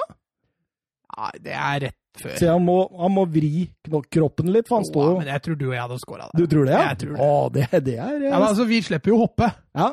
Hadde vi måttet hoppe, så hadde det vært verre. Men vi kan stå på bakken og bare sikte inn. Det, det tror jeg skulle gått. Kan jo rose Aldeverelds pasning òg. Det er en sånn klassisk, ah, klassisk fin Aldereld lang vendingspassing ut mot regionen der. Men, men, men, hvis vi snakka om typisk eh, Timo Werner-mål i stad, så kan vi snakke om typisk Aldevereld-pasning. Den diagonale der, den er helt fantastisk. Eh, Bale som eh, ja, sju år og 166 dager siden han eh, avgjorde i sin siste kamp for Tottenham mot uh, Sunderland. Så er han tilbake med et smell. Og avgjør igjen? Ja, avgjør igjen, ja. Åh, det er deilig. Ja, det skjønner jeg. Jeg, jeg, jeg syns det er så deilig med Son, Kane og Bale, og det tror jeg vi også har fått et spørsmål av av eh, Tottenham-fan Petter Støvland. Eh, hvor enorm kan egentlig Son, Kane og Bale bli når Bale har spilt seg varm? Den rekken der er jo pure world class. Hva tenker vi? Det er en pur world class. Det, det er ikke vanskelig å være uenig i. Spørsmålet er om de får spille sammen. da. Ja, og spørsmålet er av hvordan de, i hvilken grad de holder seg skadefrie. Ja, det er det jeg mener, da. I, hvert- I hvert fall Bale har jo vært litt utsatt. Kane òg, så fort Bale er i kjempeform, så blir jo Kane eller sånn skada. Det Men hvis vi tar bort det med skader, da, sånn potensielt her, eh, er det, er det potensielt på Mané, Salah, Firmino-nivå, eller, er eller, Ja, eller må man dempe forventningene litt? Nei, jeg ville Nei, å dempe forventningene. Jeg ville lagt meg Altså, De må jo få litt tid til å spille seg sammen, da. De har jo ikke spilt så mye sammen før. Men jeg tror at uh, fotballintelligensen til de tre er såpass høy at det nødvendigvis ikke tar så lang tid. Og så har de ferdigheter, alle de tre, som gjør at de kan spille sammen. At det der blir krutt etter hvert, det, det må det jo nesten bli. MSN er jo kanskje den beste trioen gjennom Ja, Hva blir det? SKB? BKS? BK... KSB? NSB? NSB? KGB. eh, Hvem er G? nei, det er bare Jeg tenkte på den eh, etterretninga til Gareth Ru- Russland. Bale? ja. Du tar med både fornavn og etternavn? Eh, Kane involvert i 14 mål de første sju kampene. Det er mest av samtlige spillere i topp fem-ligaene. Lewandowski har 13, søren. Eh, og Kane kom med dette og inn på 10 all time high goalscorers i Premier League-historien. Eh, susa inn på en tiendeplass. Det er en del tiendeplass med Les Ferdinand med 149 Premier League-skåringer. Eh, OK, gutta. Ta to hver av de som ligger over. de som ligger over et all time Premier League, eh, Sergio Aguero og Ellen Shearer. Det er helt riktig. Eh, Shearer er jo mestskåren med 260. Aguero 180 på fjerdeplass. Har du to, eller? Mats? Wayne Rooney, Andy Cole. Å, da nevner dere topp fire, altså. Det er deilig, det er deilig. I, I tillegg til de så har vi jo Lampard, Ary, Fowler, Defoe og Michael Owen. Owen har 150, så det er ett mål. Så er han eh, Han blir skada nå, vet du. Nå, nå, nå jinxa du den. Men han er fortsatt 27 år, så han vil gå forbi Ja, man brekker begge skinnlegga, vet du. en skikkelig Neil Ruddock eh, på Andy Cole-takling. Jeg tror det. Eller, Eh, over til La Liga, over til Real Madrid mot Huesca. Eh, Sergio Ramos sin eh, Ja, eh, spilte sin 500. La Liga-kamp denne matchen. Han er den tiende spilleren i historien som oppnår det i La Liga. Det er Skulle gitt den en applaus, men vi kan hylle den litt. Eh, Hyll, hyll. Strålende. hyll, hyll. Ja, absolutt. Eh, kom jo til Real Madrid som ungfole fra Var det Sevilla, Mats? Du som er Ja, det stemmer det. Mm. Han er Sevilla-gutt, han. Mm. Eh, en karriere det bare er å bukke og nikke og, og neie for. Ja, han, eh, han har hatt en fantastisk karriere i først og fremst Real Madrid. Han var god i Sevilla, altså. Men ja, nei, det er eh, få supplementer i forhold til hva vi kan gi han som ikke har blitt sagt før. Han, eh, han er en storskårer, han er en forsvarssjef, og det så du sist. Og var borte i to kamper, og da stoppa han opp for Real Madrid. Og så nå har han vært tilbake igjen, og da er ting tilbake på Helprofesjonell. Ja. Eh, leder eh, Nei, rett og slett strålende. Og det Real Madrid, jeg tror de skal takke mye for den suksessen de har hatt de siste 10-15 åra, av Ja, det ja, Kanskje ikke 15 år, da. Ja, For, men sånn kan, du kan jo selvfølgelig se på det sånn òg, men hadde ikke Ramos vært der, så hadde de jo hatt en annen en, på en måte. hvis du skjønner hva jeg mener. Men, eh, men at Ramos har vært så viktig for den klubben, da, det, det er det ingen tvil skal vi snakke litt Benzema Venitius òg, før vi Ja, det syns jeg. Ja, det kan vi godt. Hva i alle dager? Ja, altså, det, det går jo ikke. Du kan ikke gå rundt og si noe sånt om din lagkamerat. Altså, i pausa. Ja. Vi må være i pausa på Borussia München-Glava-kampen. De ligger under 2-0. 1-0. Og, ja, 1-0, ja. Ja. Og Benzema sier eh, til Mendy, Ja, Mendy var det. Mendy ja, På fransk, da. ja, ikke spill ballen til Venitius. Han er imot oss. Jeg sverger på min mor, eller et eller annet sånt. Ja. Altså eh, Vi snakker om ledere og det å gå fram og sånn. Dette her undergraver jo ikke bare på en måte eh, men, eh, Venitius, men det undergraver jo Zinedine Zidane også. Ja, og så er det ikke første gang Benzema er i hardt vær. Han har jo hatt en eh, feide med Valbuena og det franske landslaget, så det er ikke sånn at det nødvendigvis kommer som et kjempesjokk. Men nå er jo Benzema eneren i Real Madrid-angrepet. Og at du da skal trøkke en unggutt ned i gjørma på den måten der. Altså, Det var selvfølgelig ikke meninga at det skulle komme ut. Det skjønner jo alle. Men, ja, men, men, Ja, men tenk- men tenk for eksempel da, Søren, når Martin Ødegaard kommer tilbake fra skade nå. Og så veit han at det finnes spillere i Real Madrid-miljøet som har sånne holdninger til eh, lagkamerater. Ja, jeg syns det, er forferdelig. Altså, du tenker jo at du kan, eh, du kan godt mene at altså, Lov å være irritert på lagkamerat, lov å mene at lagkameraten spiller en dårlig kamp, for all del. Men å gå ut med det han har sagt, det, det syns jeg er drøyt. Eh, Det, skal du, det skal du holde deg til gode for. Altså. Og i den andre omgangen mot Gladbach så spilte Benzema til Vinicius null ganger. Null ganger, men uh, Mongdi spilte fortsatt noen pasninger. Ja, han spilte to ja. pasninger. Ja. altså, han, du kan jo si på en måte at da hø, hørte han på Benzema. Mm, han gjorde det nesten. Men det, det er jo klart, Benzema, den rollen og den statementen han har i, i Madrid, er jo gedigen. Ja, han begynner jo å bli en liten legende sånn eh, på banen, han òg. Så ikke helt der Amos er ennå, kanskje, men, men det han sier, det betyr nok veldig mye. Og de sa jo at de har skværa opp nå, eh, men Venitius starta likevel på benken, og Benzema fikk spille. Og den også Hva slags signal sender du da som manager, da? Ja, for Eden Hazard, han kom inn! Ja, altså at Hazard kom inn, det er greit nok. Mm. At Venitius starta på benken, for så vidt også greit nok. Men jeg veit ikke om Benzema har fått en straff, altså, for det bør han ha fått. Så får vi si unnskyld til alle våre lyttere som når vi gikk gjennom tidenes floppkjøp, eh, som nevnte Hvorfor nevnte dere i hvert fall ikke eh, Eden Hazard fikk, fikk i den han, har gått litt i glemmeboka. Det var litt sånn når jeg så han på benken mot Borussia Borussia Mönchengladbach òg, så var det sånn Å ja, de har jo Eden Hazard! Men han, eh, gi han et par eh, skadefrie måneder, nå, så er han ikke et bomkjøp lenger. Nei, Det så du mot Huesca. Ja, fordi eh, selv om Huesca altså, De ønsker ikke bare å ta imot her fra starten av. De har sitt spill. Varierer presshøyden, og de sender opp spillere, og de viser at de våger. Ja da, eh, skaper riktignok ikke det helt store, men, men eh, det er litt sånn som mot Cádiz. Jeg tror de så Real Madrid-Cádiz-kampen. Cádiz turte. Huesca går litt ut på samme måte.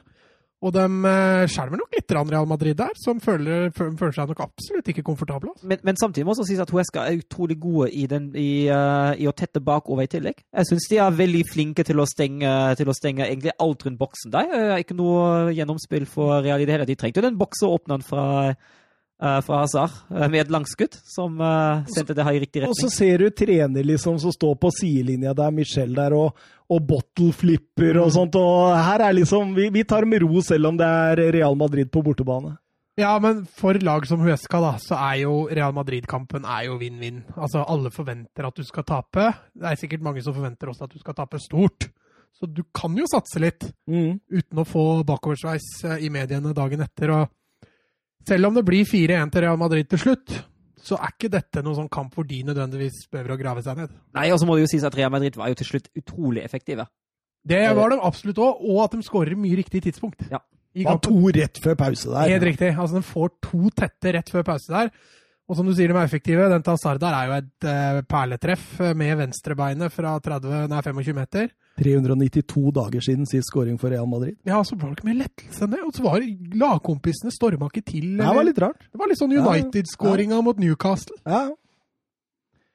Benzema der eh, går på blindsiden av Mafeo der, eh, demper og, og, og, og igjen da, så kan vi ta den betraktningen at Timo Werner-mål, dette er Benzema-mål. Ja, han, eh, han er smart der, Benzema. Han er, han er lur når han går inn, han går alltid inn på blindsida, på bakerste. Og nydelig innlegg av Vaskes. Eh, og da er jo egentlig kampen kjørt. Ja, men jeg tenkte at eh, når en bytta ut Casemiro, Mm. da tenkte jeg dette blir 3-2-seier til Real Madrid. Ja, han er limet, det. Ja, Eh, utvilsomt. Strålende. Og så så du Real Madrid hadde ingen spesielt god kamp heller. Nei da, det, nei det, det gnistra ikke av Real Madrid. Og den fikk jo da eh, 3-0 i det 54. minutt med, med Valverde. Eh, og så bytter de ut Benzema. Ja. Da tenkte jeg oi, Oi. for de, de hadde ikke så god kontroll på dette. Nei, han eh, Ferreiro han skårer jo eh, 3-1, han, og eh, Men eh, ja. Nei, de har kontroll. Ja, altså, mot slutten der, og de har tomålsledelse, så, så har de kontroll. Men, men Huesca har jo også en kjempesjanse der. som de, Hadde de fått 3-2 der, Mm. da hadde dette blomstra liv igjen. Men, men Benzema tar jo spikeren i kista på overtid der. Atletic Bilbao, eller Atletic Club om du vil, mot eh, Sevilla. Oi, oi, oi, oi, oi, dette Sevilla-laget nå, Mats! Ja, vet du hva, vi, eller jeg, jeg husker ikke om det var vi eller jeg, som hylla dette Sevilla-laget mm, for etter Barca-kampen. Ja, vi har dem på treet i eh, tipset vårt. Ja, men den første gangen til Sevilla var et kjempesteg i riktig retning. Mm. Eh, de er solide, de er effektive. De tør å stå høyt på dette Bilbao-laget. Eh, sånn at den første gangen var et steg i riktig retning fra de to siste kampene, hvis vi ser bort fra Chelsea-kampen. Ja. Jeg, jeg, jeg syns også at de åpner best i andre.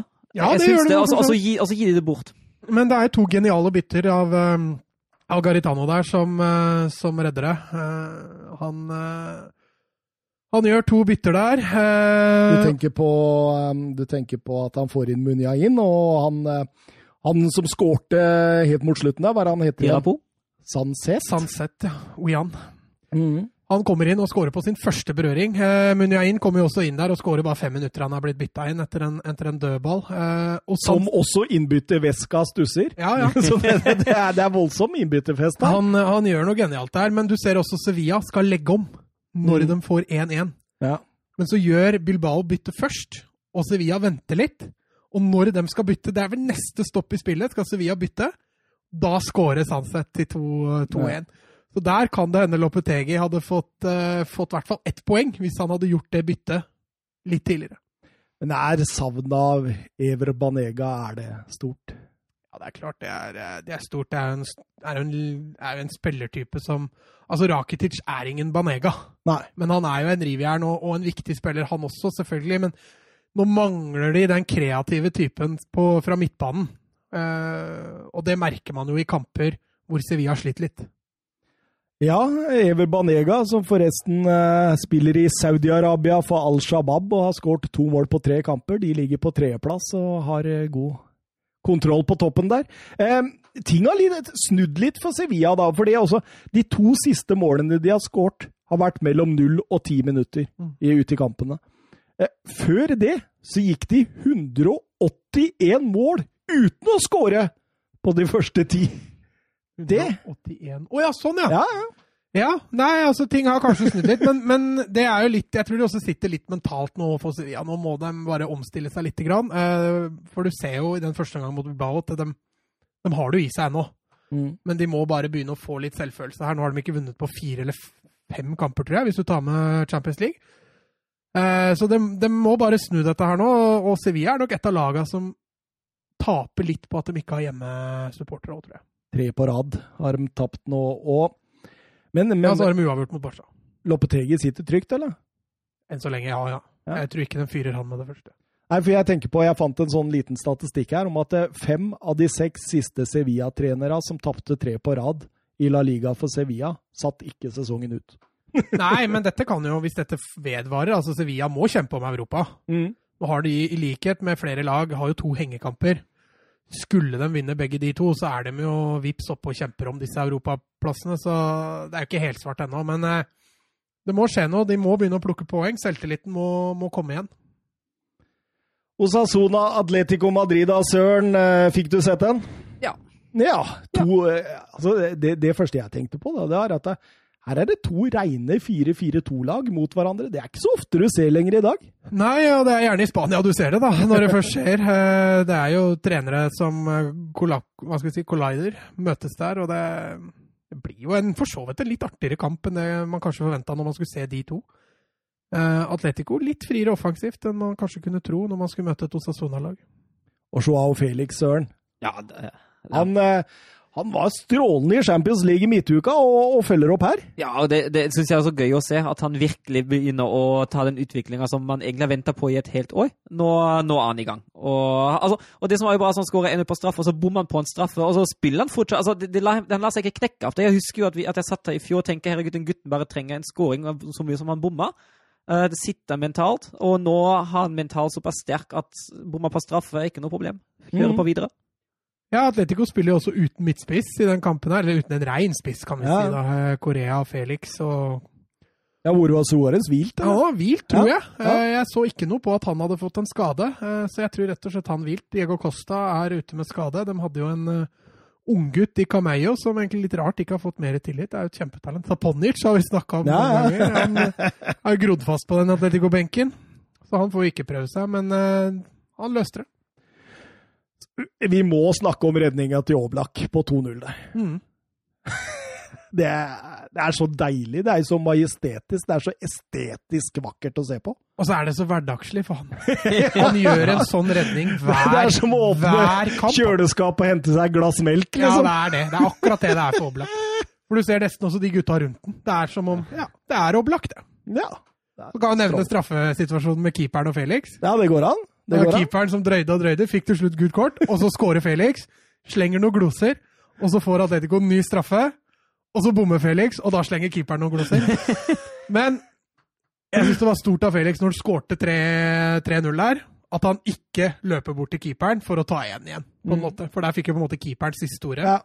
Eh, så mod modent av Felix å ikke, ikke la seg prege da, av det keeperen gjør. Litt sånn som Søren sier, at eh, han, han tenker nytt med en gang. Mm. Og Ante Budimir, Bodimir, ja. Ja. gamle Mallorca-spissen. Vært ute med covid-19 og kommer tilbake, sitter på benken, rett inn og knuser Savic i lufta. Og, og gir en liten uh, spenning til kampen mot slutten. Ja, litt dårlig forsvarsspill av Savic. Ja, Han var det? ligger på feil Ja. side der, Uh, og har jo ikke sjans til å komme seg på rett side når han først er ute og sykler der. Og så selvfølgelig kudos til Budomir, og et strålende legg der òg, så Men så dere hvor glad Luko- Lucas Torreira blei når han satte inn 1-3 der. det var ekte glede. Men jeg syns han har vært bra. Ja. Du, du har jo vært inne på at du har hatt ståltro på han, du. Ja, nå signerte jo også Atletico Condogbia i dag. Eh, Ja. Nå begynner de å få en solid eh, sentral midtbane igjen. Eh, Nå har de mange strenger å spille på. Torreira tror jeg fortsatt blir strålende i, i Suárez nei, Suárez, jeg, i Simiones lag. Han er liksom litt toveis, da. Altså, du må være toveis hvis du skal Mm. spille på midtbanen til Atletico Madrid, da.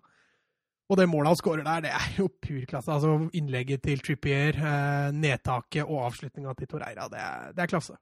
Du snakka om Kong Dombia der. 11 millioner euro. Pluss noen bonuser. Det er, det er, det er akkurat som, som jeg var inne på på chatten vår. Det er akkurat som Peter Lima bare måtte presse prisen ned. Det er derfor det har tatt så lang tid. Ja, jeg nevnte jo det for et par uker siden, at Kondogbia snart blir klar for Atletico, og så har det drøyd og drøyd og drøyd. Og drøyd, og det er mulig rett og slett Lima forhandla Ja, ja, ja. De, de var enige om 15-20. Altså. Nei, nei, nei, nei, sier Petter Lim. Nå må vi Det var litt mye. Vi må bare få kvitt han for å bruke et par av de på akademiet vårt. Det er, det er litt morsomt, da. Sevilla jeg liker. Jeg sier- Tragikomisk. Ja, det det er er blitt tragikomisk. Atletico Madrid går dermed 22 La Liga-kamper eh, på rad uten tap. Det er start, Mats. Ja, vi har jo vært litt sånn uh, nedpå dem nå og snakka dem litt eh, ned, fordi de hadde et par uavgjorte. Men de har som sagt altså fortsatt ikke tapt i år. Og skulle de vinne hengekampene sine, så leder de. Da er de, eh, da er de på topp. altså. Det holder faktisk. Ja, nå har Real Madrid en på, da, så de må vel antakeligvis vinne begge. Vi må videre, og vi drar videre til uh, Alaves eh, Barcelona. Ja, vi drar videre til Valencia. og livet uten Bartomeo. Det starta jo så bra med 0-2 mot eh, Juventus i midtuka, men uh, så var det Ja, kan du kalle det god gammeldags mageplask igjen? Den første omgangen der, det er noe av det mest tragiske jeg har sett. Eh, altså, er, altså, nå har jeg sett mye dårlige Barcelona-utgaver den siste tida, men den første gangen der, det var fullstendig hjerneblødning, altså. Der var det lite som stemte. Ja, eh, du kan tenke Fra altså, Neto og opp, eller? altså, det var Altså, den bomma på femmeters pasninger, og mottak gikk jo i hytt og pine, og tilbakespill og mottak der, og nei, nei Kan, kan du ikke sette noen ord på det Neto gjør etter 30 minutter der? Altså, jeg så det var veldig mange som skylder på Piquet. Mm. Og den har jeg litt trøbbel med å se. Altså, jeg, jeg ser at Nei, Piquet nei, ikke nei. gjør en god jobb for Neto. Det ser jeg jo. Men Neto må jo ta ut dybde! Han kan jo ikke spurte mot uh, Piquet når Piquet skal slå ballen tilbake! Nei, men jeg tror Neto går ut der for å ta ballen i henda, sånn at det ikke blir et tilbakespill. Ja, okay, det ja. tror jeg er tanken til Neto. Men Piquet ser jo ikke på Neto i det hele tatt. Uh, og det bør jo selvfølgelig Neto få med seg. Men når det tilbakespillet kommer, så skal ti av ti Barcelona-keepere ha ferdigheter i beina til å få, få til noe mer effektivt enn det han gjør der. Altså, for det er klovner i eh, kamp. Gamle Claudio Bravo hadde ordna det, han. Ja, Bravo hadde tatt ja, den. Ja, ja. Det er ikke noe problem. Da sleit med, det var andre ting han sleit med. Luis Rihocha, han, eh, han skårer, han. Og, og da, da går faktisk Alaves til pause med 1-0, Mats. Ja, det er jo en forferdelig førsteomgang der. Og som jeg sier, altså én ting er den tabba der, men det er altså så mye annet som ikke stemmer. Det er så lite rytme. Du ser det de gangene Messi også drar seg inn. Alba kommer ikke tidsnok rundt på kanten. Eh, gjennomløpa i midten er ikke der. Og den rytmen i offensiven til Barcelona er, det er fullstendig fraværende. altså. Den første gangen er, er grufull. Sorry, Messi var frustrert, Søren. Ja, og det med, det med rette. Det skjønner jeg jo godt. Det er jo Altså, altså, altså det, det stemmer Som Mats sier, det stemmer så lite, og det blir jo, særlig for en offensiv spiller, det blir jo så dumt. Mm. Mm, absolutt. Koman gjør tre bytter i pausa. Ja, tar Åpenbart enig med deg, han, da. han prøver å få ta grep, da. Det er jo framskritt fra, fra forrige kamp vi satt og snakka om.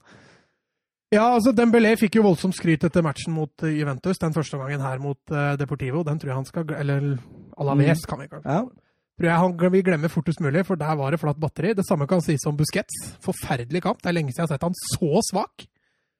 Ja, men Eh, han, han er over, han. Og ja, det er jeg stygt redd for. Jeg har jo en kjempekjærlighet til Busquets. eh, Så den sitter langt inne å innrømme. Jeg tror Barcelona er best tjent med å kjøre Miriam Pjanic der med en gang. Ja, men det så du mot Juventus. Mm. Og du så når Pjanic kom inn nå. Lenglet måtte ofres, satte de Jong ned som stopper. Ja, men så du, han, han kjørte en Guardiola. Det Guardiola gjorde med, med Rodri eh, i forrige serierunde. Altså, Det blir en sånn hybrid mellom å være stopper og defensiv midtbane. Artig. Men det fungerte jo mye bedre. Eh, Ja. og så når jeg sier mye bedre, så ble det fortsatt ikke kjempebra totalt, men det ble mye bedre enn den første gangen. og han fikk de Jong ned, han fikk inn Pjanic og han fikk inn Pedri. Eh, kjempefordel. Eh, forskjell fra første gangen. Ja, godt hjulpet av det røde kortet òg, da. Ja, men man tror jo da at ok, nå får jo Alaves rødt kort, det blir 10 mot 11, og så kommer Grismann-skåringen rett etter, og da tenker man jo nå, er, nå, nå blir det lekestue ut. Ja, altså bytter han jo heldigvis ut Diverson tidlig der, da, for det, det er jo et vandrende rødt kort. Kunne jo fort spilt med ni mann hvis han hadde fått lov å spille videre. Og så Så du han gikk inn der og fikk det gule kortet? Ja, på Messi, ja. Det er jo, det er jo Han flytta Messi fire meter! Nei, det er jo Diverson. Og så så uskyldig etterpå. Det er jo så Diverson. vet du, At det er helt eh, Jota, når han får det røde der, det er jo, det er jo ikke akkurat rutinert, det heller. Mm. Men det er som sier, Griezmann skårer jo med en gang, for 1-1, og man begynner jo da å tenke at eh, nå løsner det. Men, men, men, men det jeg tenkte på når ikke sant, For Søren, nå får jo Barcelona et powerplay. Og, og det, tenker, det blei det òg. Ja, det, det, det ble det. Og, og da tenker jeg at det, ah, det, dette er Barcelonas lille problem noen ganger. da, fordi altså, Når du kjører et sånt powerplay, så må du sørge for at eh, motstanderlaget må jobbe for å komme i de rette posisjonene. Du må jobbe for å hele tida altså, å, å møre dem ut. Men, men eh, Alaves fikk stå og forsvare seg. Si, var dårlig med sideforskyvning. Ja, ikke sant? Og, og det, det, jeg tror det ble litt av banen til Barcelona her, altså.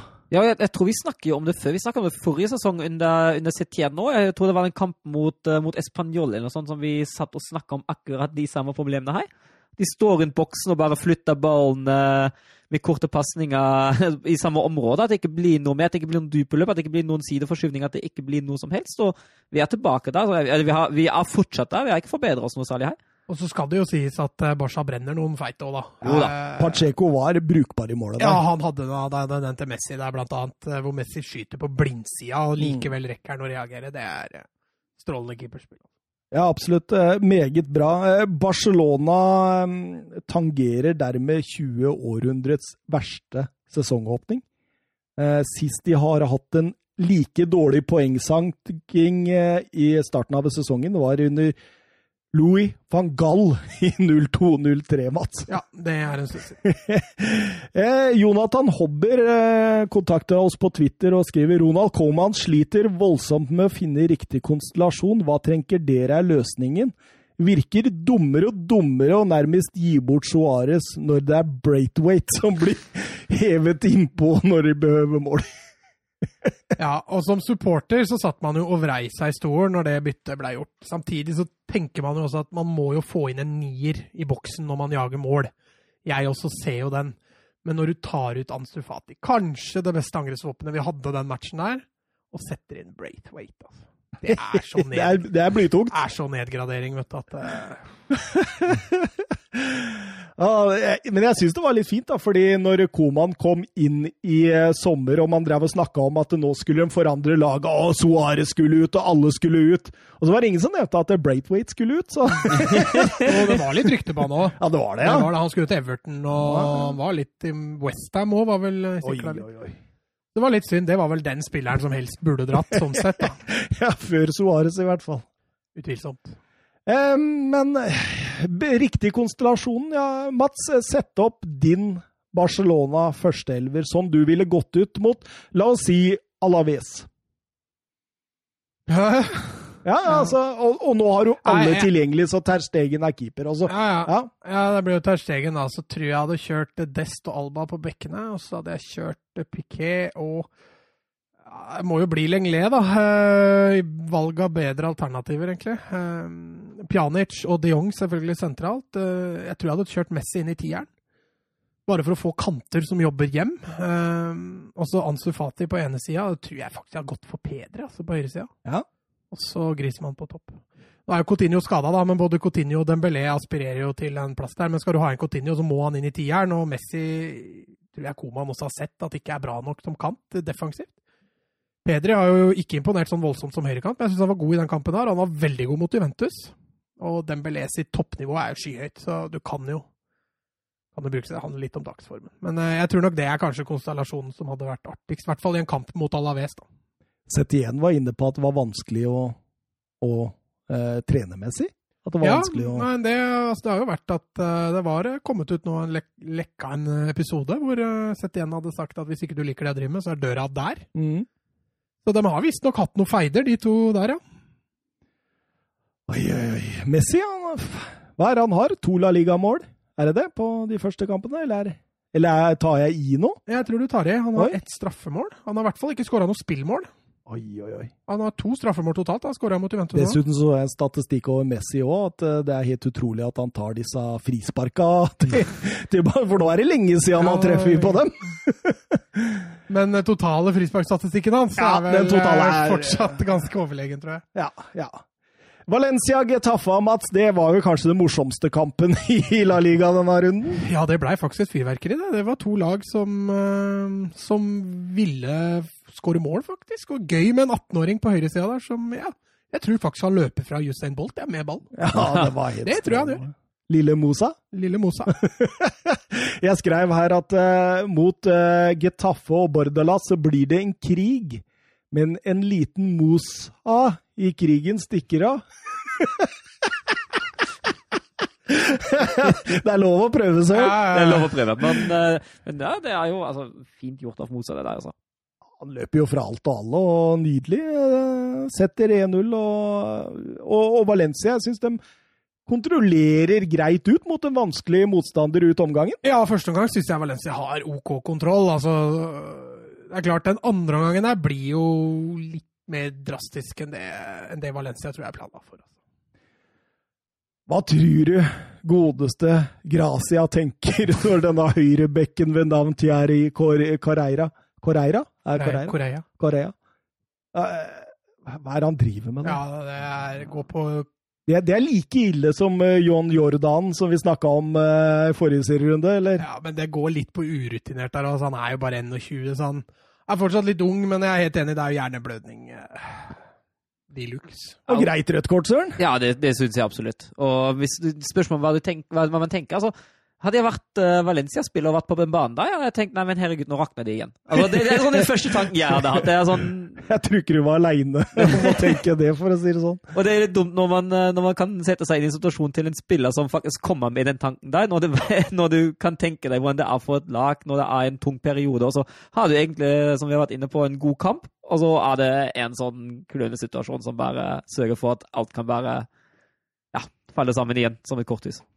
Men rett etter så tror man at det blir eh, ti mot ti fordi dommer viser Mauro Arambarri det røde kortet, Mats. Ja, han får eh, Maxi Gomez får fryktelig vondt, i hvert fall. Eh, han får faktisk så vondt at da dommeren må ut og titte på dette her på, på skjermen. Og da backfirer det litt. grann. Ja, det gjør det. Fordi eh, jeg, jeg er nesten overraska over at han opprettholder et gult kort på Arambari, og at det gule kortet ikke går til Maxi øh, Maxi, Maxi, Maxi. Ja, Maxi Gomez, Men det Ja. blir jo ikke rødt, da.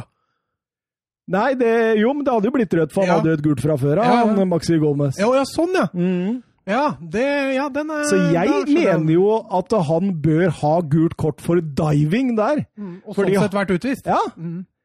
Og da hadde jo kampen blitt en helt annerledes igjen. Det er jeg for så vidt helt enig med deg i. Men jeg snakka jo om det på forhånd her, om VAR skal gå inn og gi på gule. Men dere mente jo at det Nei, det, det skal, de, Ikke var. de, de, ikke var, men de skal, de skal jo ikke det. Men når du først sjekker den situasjonen, eh, da, da skal du Ja, men kan han bruke VAR som en unnskyldning? Ja, fordi han sjekker Men, situasjonen. da skal men, men komme fram til VAR det som er sier jo ifra at Arambari Ja, at det, det Eh, ikke at er, det ikke det er- er ikke gult kort. Men da går han jo ut på skjermen og så ser den situasjonen, og da ser han jo det at Ja, men «Hei, kan- jeg har blitt lurt opp i stry. Ja, men kan han da bruke VAR?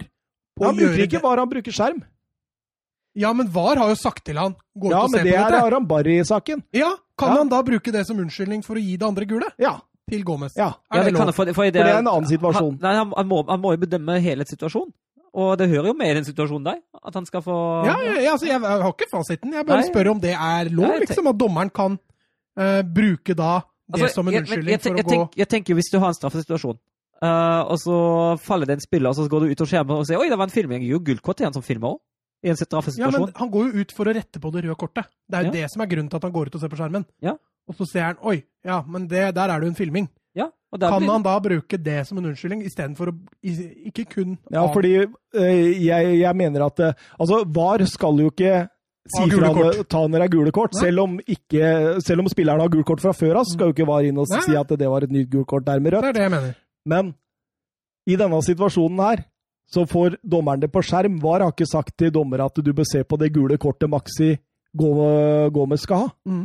Han har sagt dere, dere må, du må gå ut og se at Arambari muligens ikke skal ha rødt. Mm. Og dermed mener jeg at uh, Gomez kan få det ja, gule. Jeg er helt enig i deg. Men uansett, da, han får lov å bli på banen, og Val Valencia ligger i en 4-4-1. Tar ikke noe store risiko uh, i det hele tatt. Getafe kjører, men produserer lite. Getafe har i hvert fall mest ball i denne perioden, det er det ingen tvil om. De, de prøver å pushe framover, spiller ganske enkel offensiv fotball, men lett for Valencia å forsvare seg der. Altså. Fram til det ikke er lett å forsvare seg igjen, eller? Ja, det er jo litt eh, håpløst keeperspill, eh, kan vi vel kanskje si. Eh, Jasper Sillesen sitter jo på benken og ser denne Jaume surre til. Voldsomt, eh, voldsom retur der. Ja, det, altså, Gaitaffe skårer jo på to returer i løpet av sju minutter. Den, den andre skal han, eh, skal han frikjennes for, altså, men den første det er jeg enig i, Mats. Den, eh, da skal han ikke gi retur. Det skal maksimalt ut til hjørnespark. Og så er det jo en Paulista på streken her òg, som ser ut som han går på skøyter. Han kunne klart det nå, tror jeg, men han skal ikke få skylda, riktignok. Men, men han kunne avverga det. Og rett etter så kommer Angel Rogide Rodriguez. Ja, nok en retur, da, som Søren sier, men, men der igjen litt tur at den havner akkurat hos Angel, som får da det åpne målet. Og på tre minutter så har han vel snudd kampen til eh, sin fordel. Og Valencia i et siste forsøk bare pumper langt mot Maxi Gomez. Maxi Gomez han kjenner en, en, en, eh, ja, en kontakt inne i feltet der etter den lange ballen og hiver beina opp bak seg for å få den maksimalt ut av han. og dommeren går jo på. Ja, igjen. Ja. Denne gangen bryter jo ikke VAR inn. Eh, Det er jo kontakt der, og igjen så kan vi vel snakke om Sala-typ. eh, Ja. Men han er bare enda mer overspilling, kan vi si det? Ja. Ja. Eh, Så VAR bryter jo ikke inn, men igjen, altså. Det er, det er nesten litt flaut å se på. Damian Suárez han protesterer vel på seg et uh, Rødt kort. rødt kort der. og Ikke utypisk han her heller. Og Carlos Soler han har bøttevis av is i magen når han ti minutter på overtid setter ballen i mål og 2-2. og det, Den var viktig for uh, Valencia, tror jeg. altså. Ja, et poeng der. Nå har de hatt tre strake tap. Uh, Et poeng der, selv om det er Altså, de leder jo 1-0 lenge, så det er nok, føles nok også litt bittert. Men når du først havner under, og så klarer å slå tilbake igjen, Ja, det tror er, jeg føles som en seier. og jeg altså. tror det er den følelsen som er veldig viktig å få med seg nå. Det er mye bedre den veien enn hvis jeg hadde ledet 2-0 og gitt det bort. Ja. Eh, Så sånn sett eh, er det egentlig helt greit. Og så er det mye bedre at det blir sånn at det blir 1-1, for da har den følelsen som du har vært inne på om å ha gitt bort seier, blitt sterkere. Blitt kontakta av eh, godeste eh, vår lille favoritt Nisselue på, eh, på Twitter. Han eh, skriver det er tung helg for norske sportsmedia med Braut og Ødegård ute, og en Ødegård-erstatter som briljerer i et forsterket Real Sociedad. Og så har han et bilde av eh, David Silva her, eh, med trøye nummer 21, hvor det står Ødegård-erstatter over navnet. Mm. Eh, det var vel ikke noe spørsmål, mer et statement, men eh, Sociedad de leder vel eh, Ja, de spiller like, minst like god fotball nå som det de gjorde når Ødegaard spilte der i fjor høst. Eh, sånn at eh, hvis dette fortsetter, så spørs det om ikke vi må gjøre noe, gjøre noe der. Altså, David Silva, de to siste kampene hans har vært eh, Nydelig. nydelig. Passer han godt, det der. Han. Ja, ja, Komme ja, seg til La Liga nå. Men jeg tror det står Silva bak på drakta hans, altså. Ikke Jeg tror ikke det står Ødegaard her, men jeg har ikke sjekka sånn sett etter. Søren, du må være glad i han der nisselue på. Ja, fantastisk. Jeg er jo, jeg, altså, altså, er jeg, jeg er jo enig, stort sett. Så, Hva heter nisselue på på tysk? vi, uh, Weihnachtsmannmütze? Bare mutse, det er gøy. Så gøy. nisselue på, her har du eh, et tips til en tysk konto også. Eh, for nå skal vi over til Tyskland. Vi skal over til Armina Bielefeld mot eh, Borussia Dortmund. Ja, uten en. Ja, Ja, uten en Haaland. uten en Haaland. Eh, han hadde vel en kneskade, og da ble han ikke med. Jeg tror ikke VG hadde noen ting å skrive om i helga. Var- Ødegaard spilte ikke, Haaland spilte ikke. Og... og det var mørkt på Viasat studio. Det var ikke noe studio! det. Gikk bare rett i gang. de, de hadde vel Dortmund-kampen, men alt de snakka om, var hvor mye bedre dette laget hadde vært med Ja. Erling Braut Haaland. Nå hørte jeg den heldigvis uten kommentar, da. Men uh... Var det på grunn av Ja? Nei. Nei, nei, nei. nei, nei. Nei, nei, nei. Em, Bundesliga-møtene på Bielerfelter Alm, det heter vel noe annet nå Det også? er Syko Arena nå. Ja, ja. Eh, De har vært ganske tettspilt og jevnspilt. Eh, Tolv eh, seire til Bielefeld, åtte til eh, Nei, åtte uavgjort og 14 til Dortmund, så det er ikke noe lett sted å komme. Nei, og det er, jo, det er jo bra til å være Bielefeld. Det er jo et lag som har vært mye i bunnen, i hvert fall de siste åra. så de har en veldig god statistikk mot et, mot et Dortmund som har vært et storlag veldig mye av den tida Bielefeld og Dortmund har vært sammen i Bundesliga.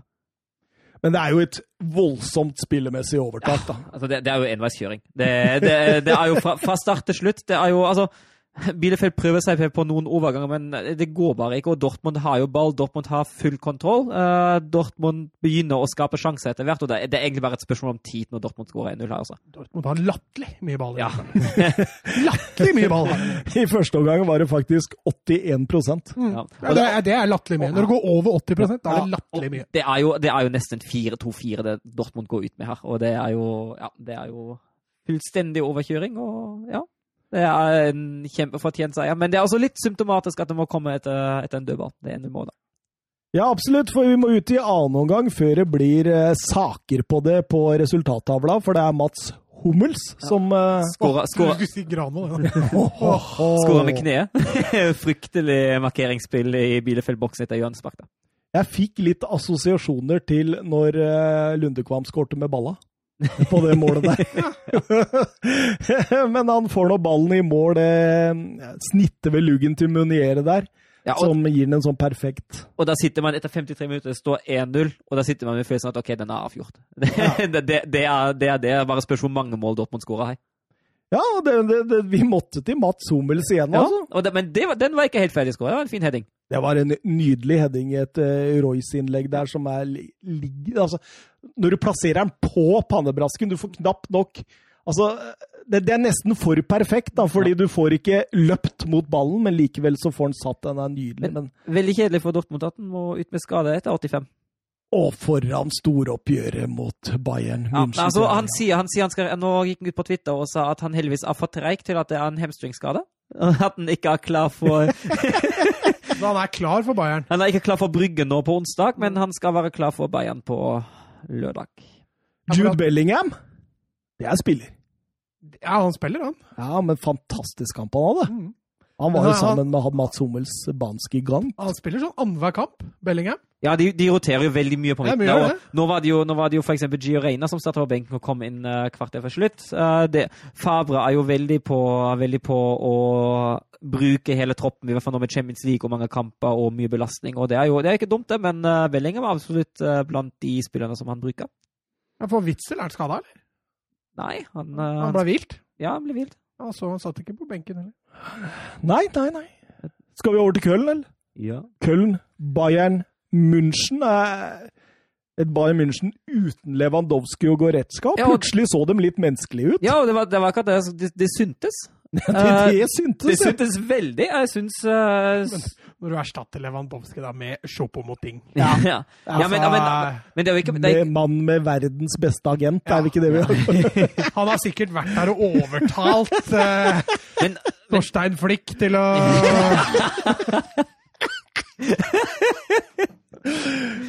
Hansi?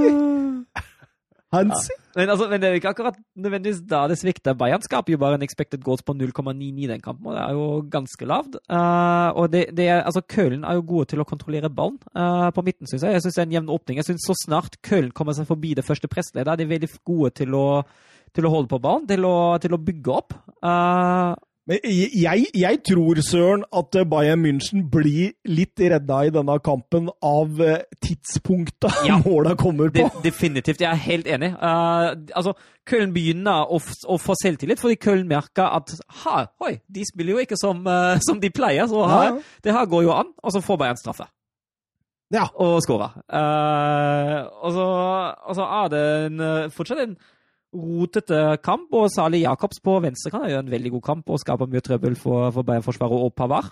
Uh, Ja, absolutt. og så kommer Köln seg litt etter sjokket etter 0-1, kommer seg litt inn og begynner å, å taste seg litt framover. Og så er det rett før pausen skårer Bayern igjen 2-0.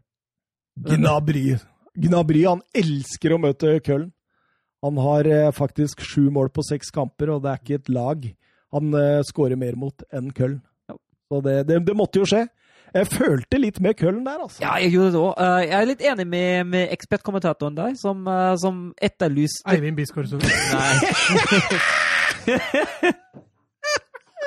Det er Solan Gundersen. Ja, er det så? Nei, den, eh, den, ble, den ble kommentert på engelsk, så det var Nei, men eh, han, eh, og det er jeg litt enig i, han synes at Köln, særlig utover kampen når det står 2-0 eh, de, de spiller en bra kamp, og de gjør det ålreit, men de blir litt grann passive i presset. Og han ville gjerne ha dem lenger opp, og jeg er helt enig, fordi Köln begynner først å presse ved midtbanen, og de legger ikke helt press på et Bayern-forsvar som på den dagen ser skjørt ut også. Ja, absolutt. Og man, absolutt. man kunne ha vært litt modigere her, i hvert fall i, uh, i spillet mot ballen. Så var Köln litt heldige som møtte Bayern på denne dagen. Jo, for all del. De kunne møtt dem på en mye verre dag. jo, jo. Men det var også mulig å ta poeng her. For Ja, det var det jeg mener. Ja. At Köln kunne, kunne møtt dem på en verre dag, så ja. her hadde Köln tidenes mulighet Ja. til å ta poeng. Enig. Og de kommer jo ganske close òg, fordi de får jo faktisk en redusering mot slutten der. Ja, og da fungerer også VAR bra, for den blir jo først annullert. Eh, Thielmann som skyter, og Drexler som styrer han i mål. Ja, han er på lista. På Ja, men, men har ikke du hatt både disse, begge disse Ja. køllene? Ja, for det tenkte jeg på Katteberg og Thielmann. Ja, ja. Og, og først blir jo annullert for offside, men så går VAR inn og ser at det er ikke offside, og da blir det mål. Så da funket den jo fint. Ja. Og, men, men etter, det, etter den skåringa har Bayern jo full kontroll, kontrollerer kampen helt ut. Köln skaper ikke en ting igjen etter den skåringa. Og mye av snakket rundt Bayern München det siste har jo vært eh, om uh, Alaba og denne kontraktsituasjonen. Ja, og der har jo kommet en update. Uh, Ja. Nå har jo klubben tråkket tilbake tilbudet. Eh, og sagt at dette spillet har det spiller vi ikke med. Og nå har Alaba gått ut og kritisert Bayern München og mener at dette er kjempetrist. Og det han, det han har fratt ut ifra nyhetene, og ingen har snakket med ham og, og alt det der. Så akkurat nå er David Alaba bossmann spiller neste sommer. Åh, tenk Real Madrid og, og Manchester City og sånt driver og lurer i sivet der nå. Ja, Barcelona er i hvert fall ikke med i den dansen lenger, tror jeg. De hadde jo veldig lyst på Alaba en periode, eh, men nå var også Barcas president ute og sa det at eh, den økonomien her holder ikke mål. Så Vent til Jens Stryge Larsen fra Udinese, de sikkert. ja, det kan fort skje. Akkompagnere med eller- en Braithwaite. Ja, eller en Karius, kanskje, fra Besiktas. Åh, harde tider, harde tider. Men eh, vi fikk også en toppkamp i Bundesliga. Borussia München-Gladbach mot RB Leipzig. Eh, ja, det, det, den gleda jeg meg veldig til. Altså Marco Rose mot Julian Nagelsmann. Det måtte jo bli morsomt. Ja, det måtte bli morsomt, og særlig hvis du ser på det offensive potensialet i de begge de lagene der. Trodde man jo at det skulle bli morsomt, men eh, det virket jo litt som at Leipzig var litt prega av det tunge tapet på Old Trafford. Uh, tenkte litt, litt vel defensivt i perioder, syns jeg. jeg husker det var Blir uvanlig dype, Ja. altså. ja, jeg husker altså noen, noen situasjoner. Jeg er veldig vant til at uh, i hvert fall Angelinho uh, står ekstremt høyt i banen, og så var han på vei framover. Og så mista Eller var høyre kanten da inn i en, uh, inn i en duell. Og Angelinho snudde med en gang og sprinta tilbake i posisjon i forsvaret. og det, det, det er litt sånn uvanlig Nagels, men Det er uvanlig ja, for, for, for det er et tegn på at du ikke føler helt at det gjenvinningsspillet Ja. fungerer optimalt. Eh, så det, det har nok sniket inn noen sånne usikkerheter, og så har du blitt blitt kontra i stykker på Old Trafford, og så kommer eh, Boros, Så får du, drar du til Borussia Park, er det det det heter? Ja. Og møter eh, et annet meget sterkt eh, kontringslag. Så eh, det, det må jo spille mentalt inn, Mats? Ja, det gjør det jo helt klart. Eh, Men allikevel så burde Leipzig ha såpass mye gode resultater i sekken i år at de allikevel ikke skal spille så stor rolle, da, hvis du skjønner hva jeg mener. Eh, Det er jo først mot United de virkelig fikk en skikkelig nesestyver i år. og Litt merkelig at de opptrer sånn som de gjør i, i gjenvinningsfasen, hvis vi kan si det sånn. Uh, Hvordan syns du Sørloth gjorde det? Jeg syns Sørloth spilte en bra kamp. Jeg synes han, eh, han var veldig aktiv. Eh, Han bidro veldig mye til det offensive spillet. Med balla.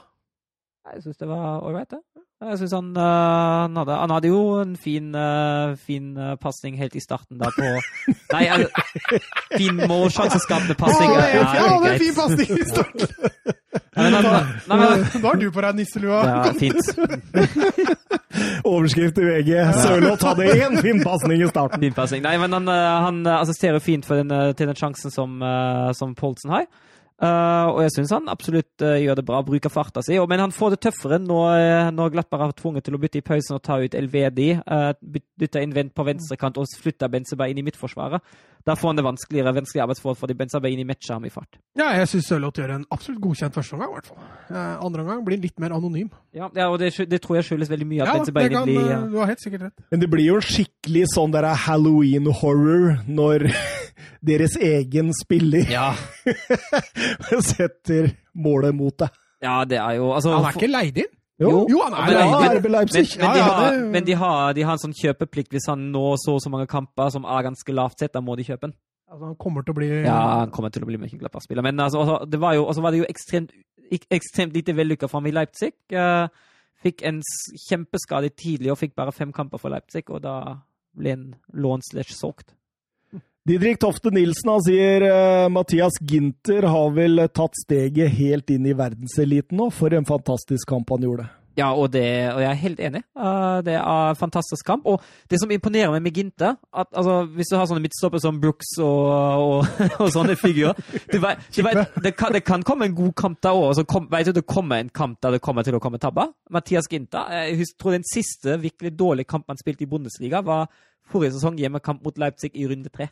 Han har vært så solid, han har vært så stabil. Han, har vært, han, han, han er god som midtstopper, han er god som oppbygger, han, eh, han er god som, eh, som leder i forsvaret. Om det spilles der med fire backslinjer eller tre Det spiller ingen rolle. Jeg synes han, er- han er sterk, altså. Jeg husker vi stussa litt når Dortmund solgte han.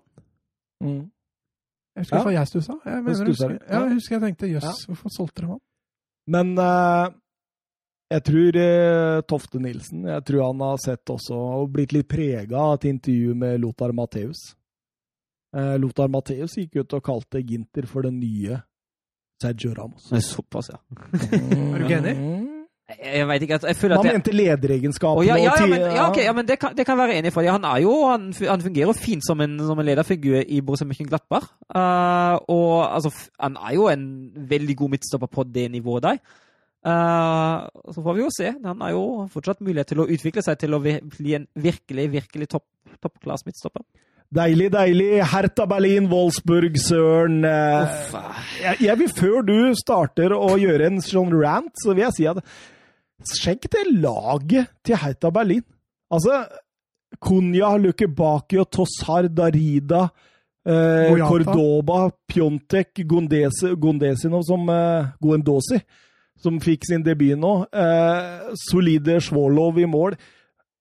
Det er rart at Labadia ikke får mer ut av dette. Ja, Har ikke du advart om dette før, Søren? Jo, jeg sa jo at Labadia er en stabiliserende trener, men uh, Han tar han dit, og så ikke lenger. Ja, det, og det var jo det, det er derfor jeg egentlig var Men nå er han jo i ferd med å stabilisere dem tilbake igjen Ja. der de var under Klinsmann. Det det. De, de, trenger, de trenger, nok, eh, trenger nok å ta noen seire snart, altså. Det gjør de absolutt. Og eh, akkurat nå underpresterer både laget og det som man kunne forvente av Labadia. Uh, altså, jeg tror ikke det blir en topp seks-plassering med Labadia uansett. Jeg mener at han ikke er god nok til det, med mindre han uh, Altså, kan jo ha tur opp, for all del, men i utgangspunktet bør han ligge med det laget mellom syvende- og tiendeplass. Og det anser jeg som realistisk. Og det er, det er da det, det slutter for Labadia òg. Men eh, det, det, det blei en positiv åpning for Wolfsburg, syns jeg. De tok eh, tak, og så plutselig så får de en imot isteden, og Konja sklir det. altså, det er jo en, Den ruller jo i Triller jo i Ja, liksom. Kastels der, da. Jeg vet ikke, jeg tror han, han står, Står på feil bein? Jeg tror han står på feil bein. Ja, jeg tror det. fordi han slenger jo seg rett ned. Ja, jeg, jeg tror han bare står på feil bein, men, men så altså, hvorfor står Konja så upressa deg? Nei, det er, det er, det er Det er jo merkelig, slager det som ikke følger, følger mannen sin. Er, så, ja. Men jeg syns jo slager generelt sett var bra i denne kampen. Ja, det da. syns, det syns jeg òg. og det, det, som, det som er et lyspunkt da, er at Gilavogi uh, ute med skade. Maxi Arnold eh, ble far for andre gang, og så hopper det inn uh, hopper det inn Slager og Gerhard på sentral midtbane, og det, det, er, det er nesten like bra som det som pleier å være der. Så det er jo, altså Slager er jo uansett en mann på det nivået der, men eh, Gerhard er også absolutt et godt alternativ, og det er positivt.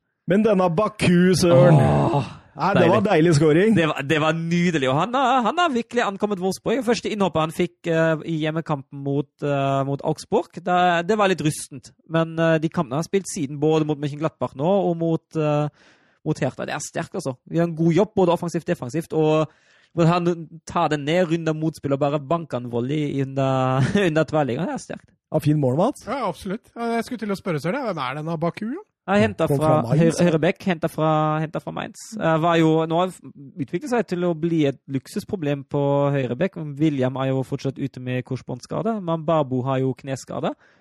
Eh, og så Ja, for Mbabo vokste jo i fjor. Ja, veldig òg. Andre, andre halvdel av sesongen var jo veldig god. han og Brooks var jo helt rå på slutten. Ja. Jeg husker det var jo hat, hatobjekter nummer én og to, det Ja, Mbabo første, første halvdel av sesongen, det var svakt. Men uh, så fant han seg til rette og fikk det til. Og hvis William kommer tilbake, som er jo en etablert Bundesliga-spiller, og Mbabo også har man Bako, har man tre veldig gode høyrebekker. Så kan Bako også spille sentral midtbane. Men eh, så får jo eh, Hertha Berlin et straffespark, søren. Ja, det var vel eh, Apropos Maxi Gomez og filming. Ja, det, det, altså, jeg, jeg tenkte med en gang det er ikke straffe. Det, det er jo ikke straffe, og så ble jeg egentlig mest irritert at det tok så lang tid før han trakk den tilbake. Rett til var, rett Ja. på skjerm, og så ser han jo det at uh, Omar Alderete, han eh, Han eh, simulerer i Ja. at Wout Weghorst parker det i ansiktet. Ja, altså, det er, det er ingenting der. Det er ikke kontakt. Det er niks. Burde vært gult der òg. Ja, syns jeg. Absolutt. Absolutt. Bør, burde, burde ikke tatt så lang tid for å annullere den der heller. Men vi skal tilbake til en sånn jeg sier ikke at den er lignende med den, men, men tenk på Milan-matchen. Ja.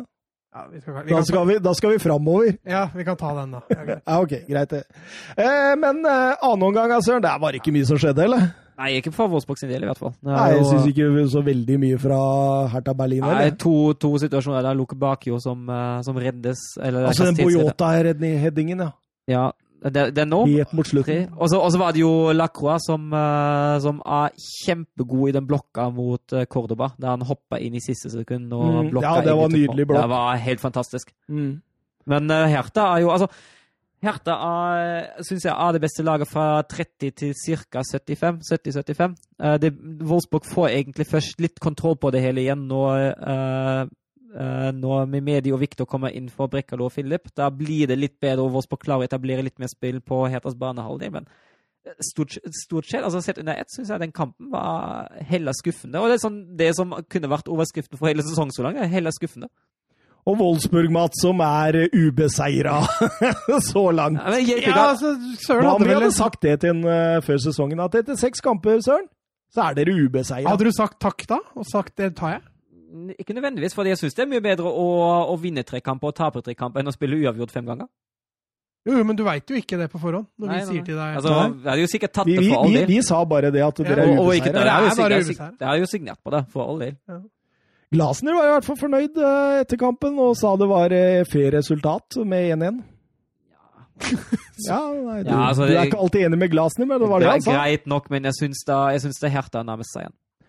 Inter Parma, vi skal en liten tur over til Serie A. Et Serie A som vi kanskje ofrer neste, eh, neste episode for å ta to hovedkamper, Mats?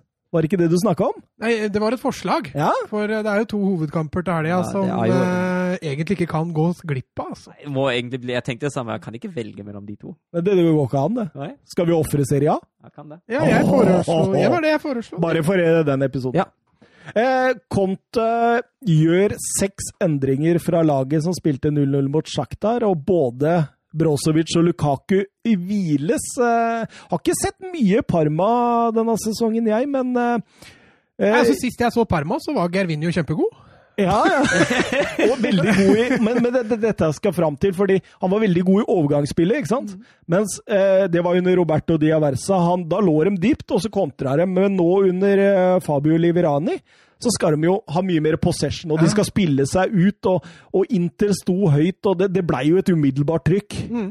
Eh, syns eh, Inter egentlig altså, Uten å produsere noen voldsomme sjanser, du har jo den til Hakimi eh, rett før pause der, men eh, Perisic som blåser over. ja, Perisic sin òg kan du ta med her, men, eh, men det blir jo 0-0 til pause, og det ah, Jeg, jeg husker vi snakket litt om det forrige, forrige gang òg. Da hadde Inter også en kamp der de dominerte. Jeg husker ikke mot hvem det var forrige runde, men da snakket vi også at balltempoen var litt for liten. De klarte ikke, de klarte ikke å, å Og skape noe. Eriksen som alltid slår sidelengs. Ja, ja, ja, ja. De klarte ikke å skape noe helt i første omgang. Jeg føler at det var litt sånn samme syndrom i den Parma-kampen igjen. Men uh, rett etter uh, pause der, kan vi si at det var rundens scoring? Ja. Eh, Gervinho, ja.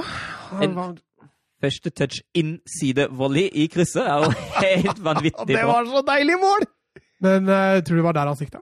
Ja. Oppe i krysset? ja. Skal vi gi inn den? Vi gir inn den. Ja, OK. Han, han har så fin hårmanke at det må han få. Ja, Den manken begynner jo langt bak i huet, da, men eh, greit. Han, han er nydelig, han der Gervinho, altså. Han er, jeg er glad han ikke spiller for Arsenal, for han er litt morsom. Ja, Det er litt sånn kanu-type. Ja, ja.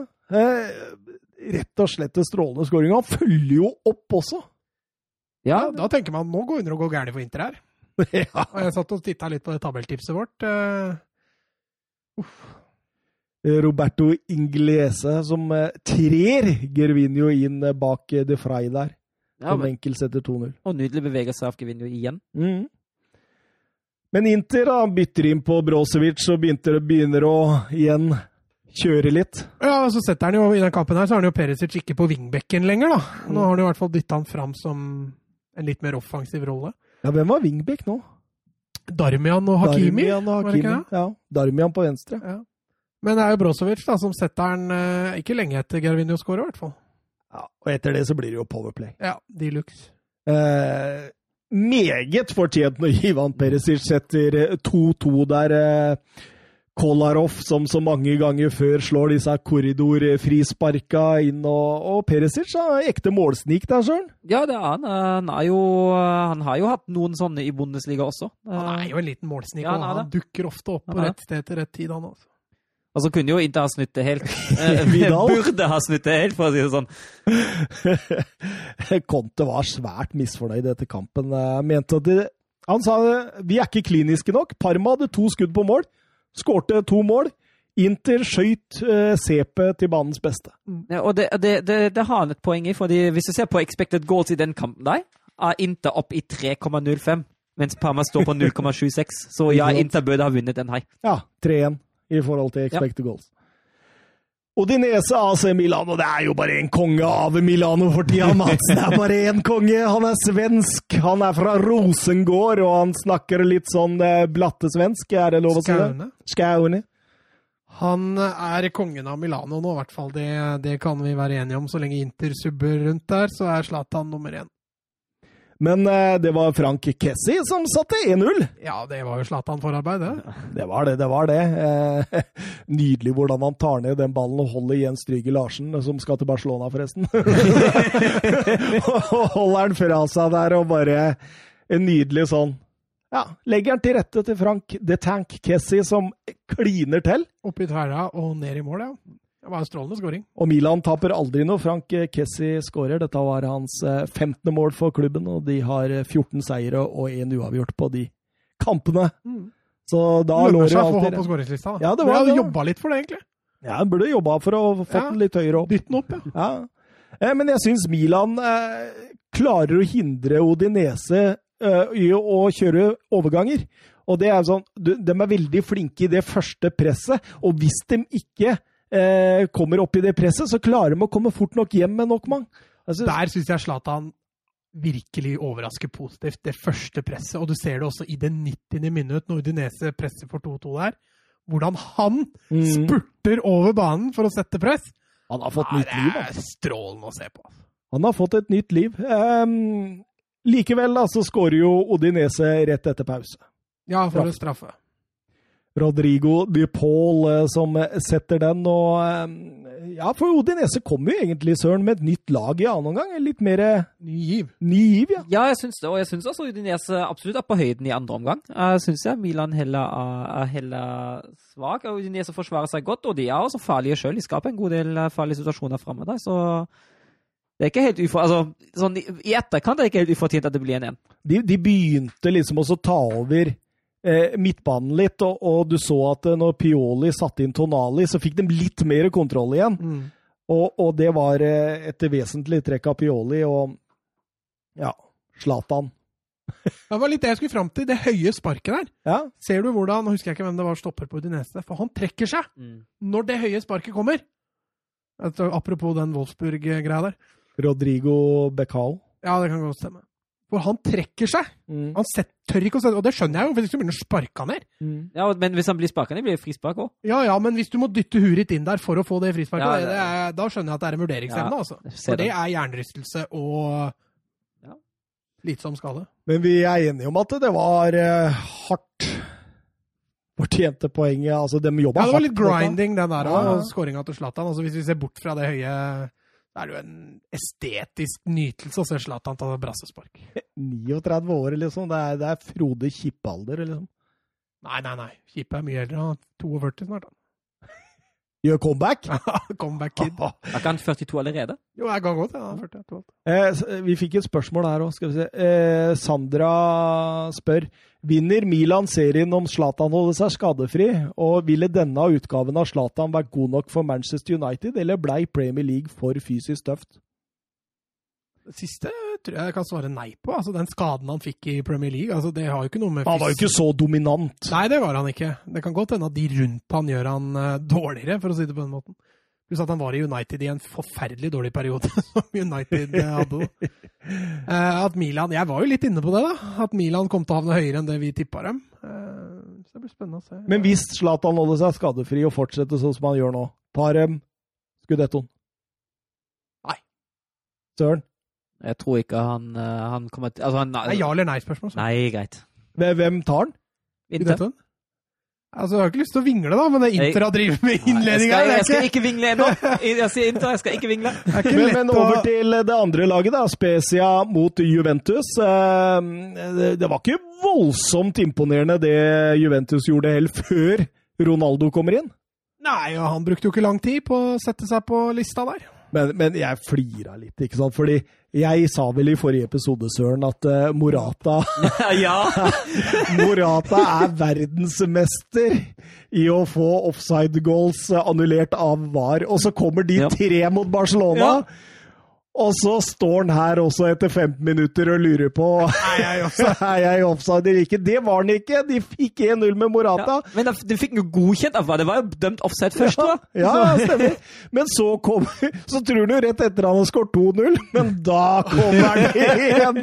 Og, altså, han, han har fem VAR-annullerte offside-mål på tre siste kampene. Han har jeg tror det var 16 i liksom på en måte det siste eh, sesongen sett over ett, da, hvis du hadde tatt eh, denne sesongen vi er nå, og begynnelsen av forrige, og så tatt det som et år. Det er, det er voldsomme tall. Han ligger og hugger på offside, i hvert fall. og ser like Skuffa ut. skuffa ut hver gang. Jeg måtte flire, altså. Men, men jeg syns Specia skal ha honnør. Står høyt med laget i Men jeg tror også de har litt giv med at Juventus har vært litt shaky i sesonglinja. De har riktignok ikke tapt ennå, men det har liksom vært litt stakkato på Juventus. Og Spezia, jeg syns de skal ha honnør for at de tør. Ja, på Bega skårer 1-1 der. Da, da, da tenker jeg at det, det er fortjent. Ja. Han har skåret mer mål enn Pogba. på, på Bega og Pogba. Tenk at de på midtbanen, og da hadde du surra, da. Da hadde du surra. Ikke kjøp Hans Solskjær! Eller Specia, ikke kjøp Paul Pogba. Det er vel omtrent der han ligger, er det Ja, ikke? det? det er omtrent det. Enda seg det. Men det, det blir jo pause 1-1, og Ja, det, det må Ronaldo inn. Ja, han bruker ikke lang tid heller. Nei, og da, da, da ser man jo litt at det blir spesielt litt straffa for dessverre for å stå høyt. For da utnytter Juventus eh, bakrommet som oppstår med den høye forsvarsrekka ganske godt, og det gjør de også på en senere skåring. Så til slutt får Spezia dessverre ikke noe uttelling for å stå høyt. Nei, Ronaldo 1-2, Rabiot 1-3, og Ronaldo igjen 1-4 på straffespark. Nydelig Panenka. Mm. Kald og rolig. Ja, og da Ja, da var Spezia ferdig, da, og eh, Pirlo fikk en eh, etterlengta seier, må kunne si det. Ja, altså det er jo tre ubeseira lag da, på toppen av tabellen i Serie A. Sassolo fortsatt overraskende henger godt med der oppe, altså. Ja, de gjør det. De gjør det. Eh, Pirlo sa etter kampen at eh, Ronaldo han gjorde bare jobben sin. Mm. Ja, Det er det han får betalt for. Og innrømmet også om at det var en liten plan om å kjøre Ronaldo, Dybala og Morata inn i samme lag, men det var litt på sikt ennå. Mm. Så det, det, Søren, det er en trio. Det er en fantastisk trio, og det er jo, det er jo helt nydelig. Det, det, og det er et skikkelig våpen nå. Så Oi, oi, oi, vi var igjennom. Vi var igjennom, gutta. Nei, vi har jo Ukas talent. vi har ukas talent. Mats sin favorittspalte. Nei, da, altså, det er jo ikke meg imot å drive og Det er liksom sånn der jeg, jeg føler det blir så øh, Om ikke falsk, så i hvert fall sånn Det er ikke vi som oppdager talentet. Nei, men vi opplyser om spillere som kommer til å slå igjennom. Vi, har, vi øh, sier jo ikke det at vi er hjernen bak spilleren. Jo, det, det er nettopp det vi skal være. Jeg eh, setter tiden på ett minutt, Mats. Nei, jeg bruker ikke så lang tid. Klar, ferdig, go! Jeg har valgt meg ut en eh, spanjakk, eller spanjol om du vil. Eh, Jeremy Pino fra Villarreal. Født 20.10.2002. Det betyr at han er ikke lenge siden han fylte 18 år. Eh, Han har allerede fått to kamper i Europa League, og det er jo der jeg har bitt meg litt merke til han, hvor han også har notert seg på skåringslista. Han spiller eh, høyrekant, eh, er høyrefota, så litt mer sånn wing, klassisk wing-type. Eh, Relativt hurtig, meget god innleggsfot, og er altså kaptein på Spanias U18-landslag. Eh, Hvor han har åtte kamper, og ett mål har også U17-landskamper for, eh, for Spania. Så eh, spennende type. Litt mer klassisk wing til kanskje å bli henta til Barca, men kan minne litt om kanskje Joaquin i sine gode gamle dager. Oi, oi, oi. Mm. Du har ti sekunder igjen. Ja, da er jeg ferdig. Søren, du la deg på akkurat minuttet forrige gang. Det, det Skal tror jeg ikke jeg klarer nå. Så, ja da, han har testinnspilt dette, han. Klar, ferdig, gå, Søren! Ja, Min mann er også født 20. oktober 2003. Han heter Carney Chukwuemeka. Han er engelsk og spiller for Esten Villas U23 i Premier League 2. Har spilt fire kamper og en assist den sesongen. Han har vært i Villa siden han kom i 2016 fra Northampton og spiller også for Englands U17-lag. Han er en høyrebeint, eh, atletisk og kreativ boks-til-boks-spiller som også kan spille høyre opp i banen. Han er kjapp, han har god passing, han er teknisk, eh, som sagt atletisk, eh, han har taktisk smart, og han eh, ligner i spillestilen sin på Paul Pogba. I hvert fall når Paul Pogba skal være på sitt beste. Ja, det er viktig å presisere. Ja. Du må ikke han- stjele sekunder, blir han er, ansett, for å være den mest talentfulle engelske spilleren som er født i 2003. eh, og han er da jaktet av Manchester City, Manchester United og Liverpool. Men han har valgt å vil eh, fortsette utviklingen i Birmingham og i Aston Villa. 56 sekunder med litt eh, forstyrrelse, Søren. Det var bra. Eh, 2003, sier du. Når er Jude Bellingham født? Han er 18, så 2002. Det Er han det? Er dere helt sikre? Jeg skal se. Jude Nå skal jeg skrive her. Jude Bellingham. Skal vi se her. Bellingham. Nei, 2003, nei, da, da, var, da vil han ansett for å være den beste 16-åringen forrige Ja, sesong. Sånn var det. Ja, ja, men da, etter at Bellingham Ja, du blir arrestert her med en gang, eh, Søren, hvis du sier noe feil. Her er han som taper quizen så det synger etter. Han, han veit åssen årstall Jude Jude Bellingham eh, er født. Er det meg, da? Er det noen som skal ta tida, eller er programlederen forplikta til å bare Du kan følge med sjøl, du. Eh, Mitt ukas talent heter Ronaldo Camara. Han er født eh, 5. januar eh, 2003. Hæ? Er det han fra Benfica? Ja. Ja. Har du hatt den på lista di, eller? Jeg har så god tid, jeg nå. vet du. Ja, jeg vet det. Søren, det er tida går nå, ja! Han er født i Guinea-Bissau, eh, flyttet til Portugal som eh, åtteåring eh, og gikk rett inn på Sportingakademiet da han ble oppdaget av Aurelio Pereira. Det var også mannen som oppdaga Ronaldo og Luis Figo, for å ta noen av dem.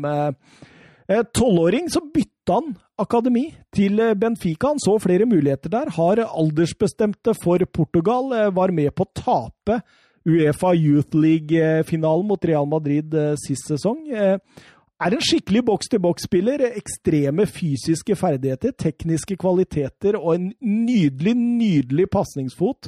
Må jobbe litt i denne decision-makinga. Litt uferdig, men råmaterialet her helt enormt. Spiller nå på Benfica B og Benfica U19-lag Søren Døpker. Veldig spennende. Ja, det blir gøy. Jeg tror han Du så ut som Mats hadde vært og snusa litt på han tidligere òg, så nå, er det, nå, nå sletter han fra den der lista si. Da var han borte. Da var han borte. Eh, noen andre som blir borte nå, det er oss, eh, i hvert fall fram til neste tirsdag. Så vi eh, Ja, to Skal- hovedkamper. Skal vi ha to resultater, da? Det er litt skummelt. Oi, Da oi, ryker, oi, da ryker jeg garantert. Det blir gøy. Det Det blir blir, veldig gøy. Ja. For da, da har vi kjangs til Tenk Søren Nei, Søren, si.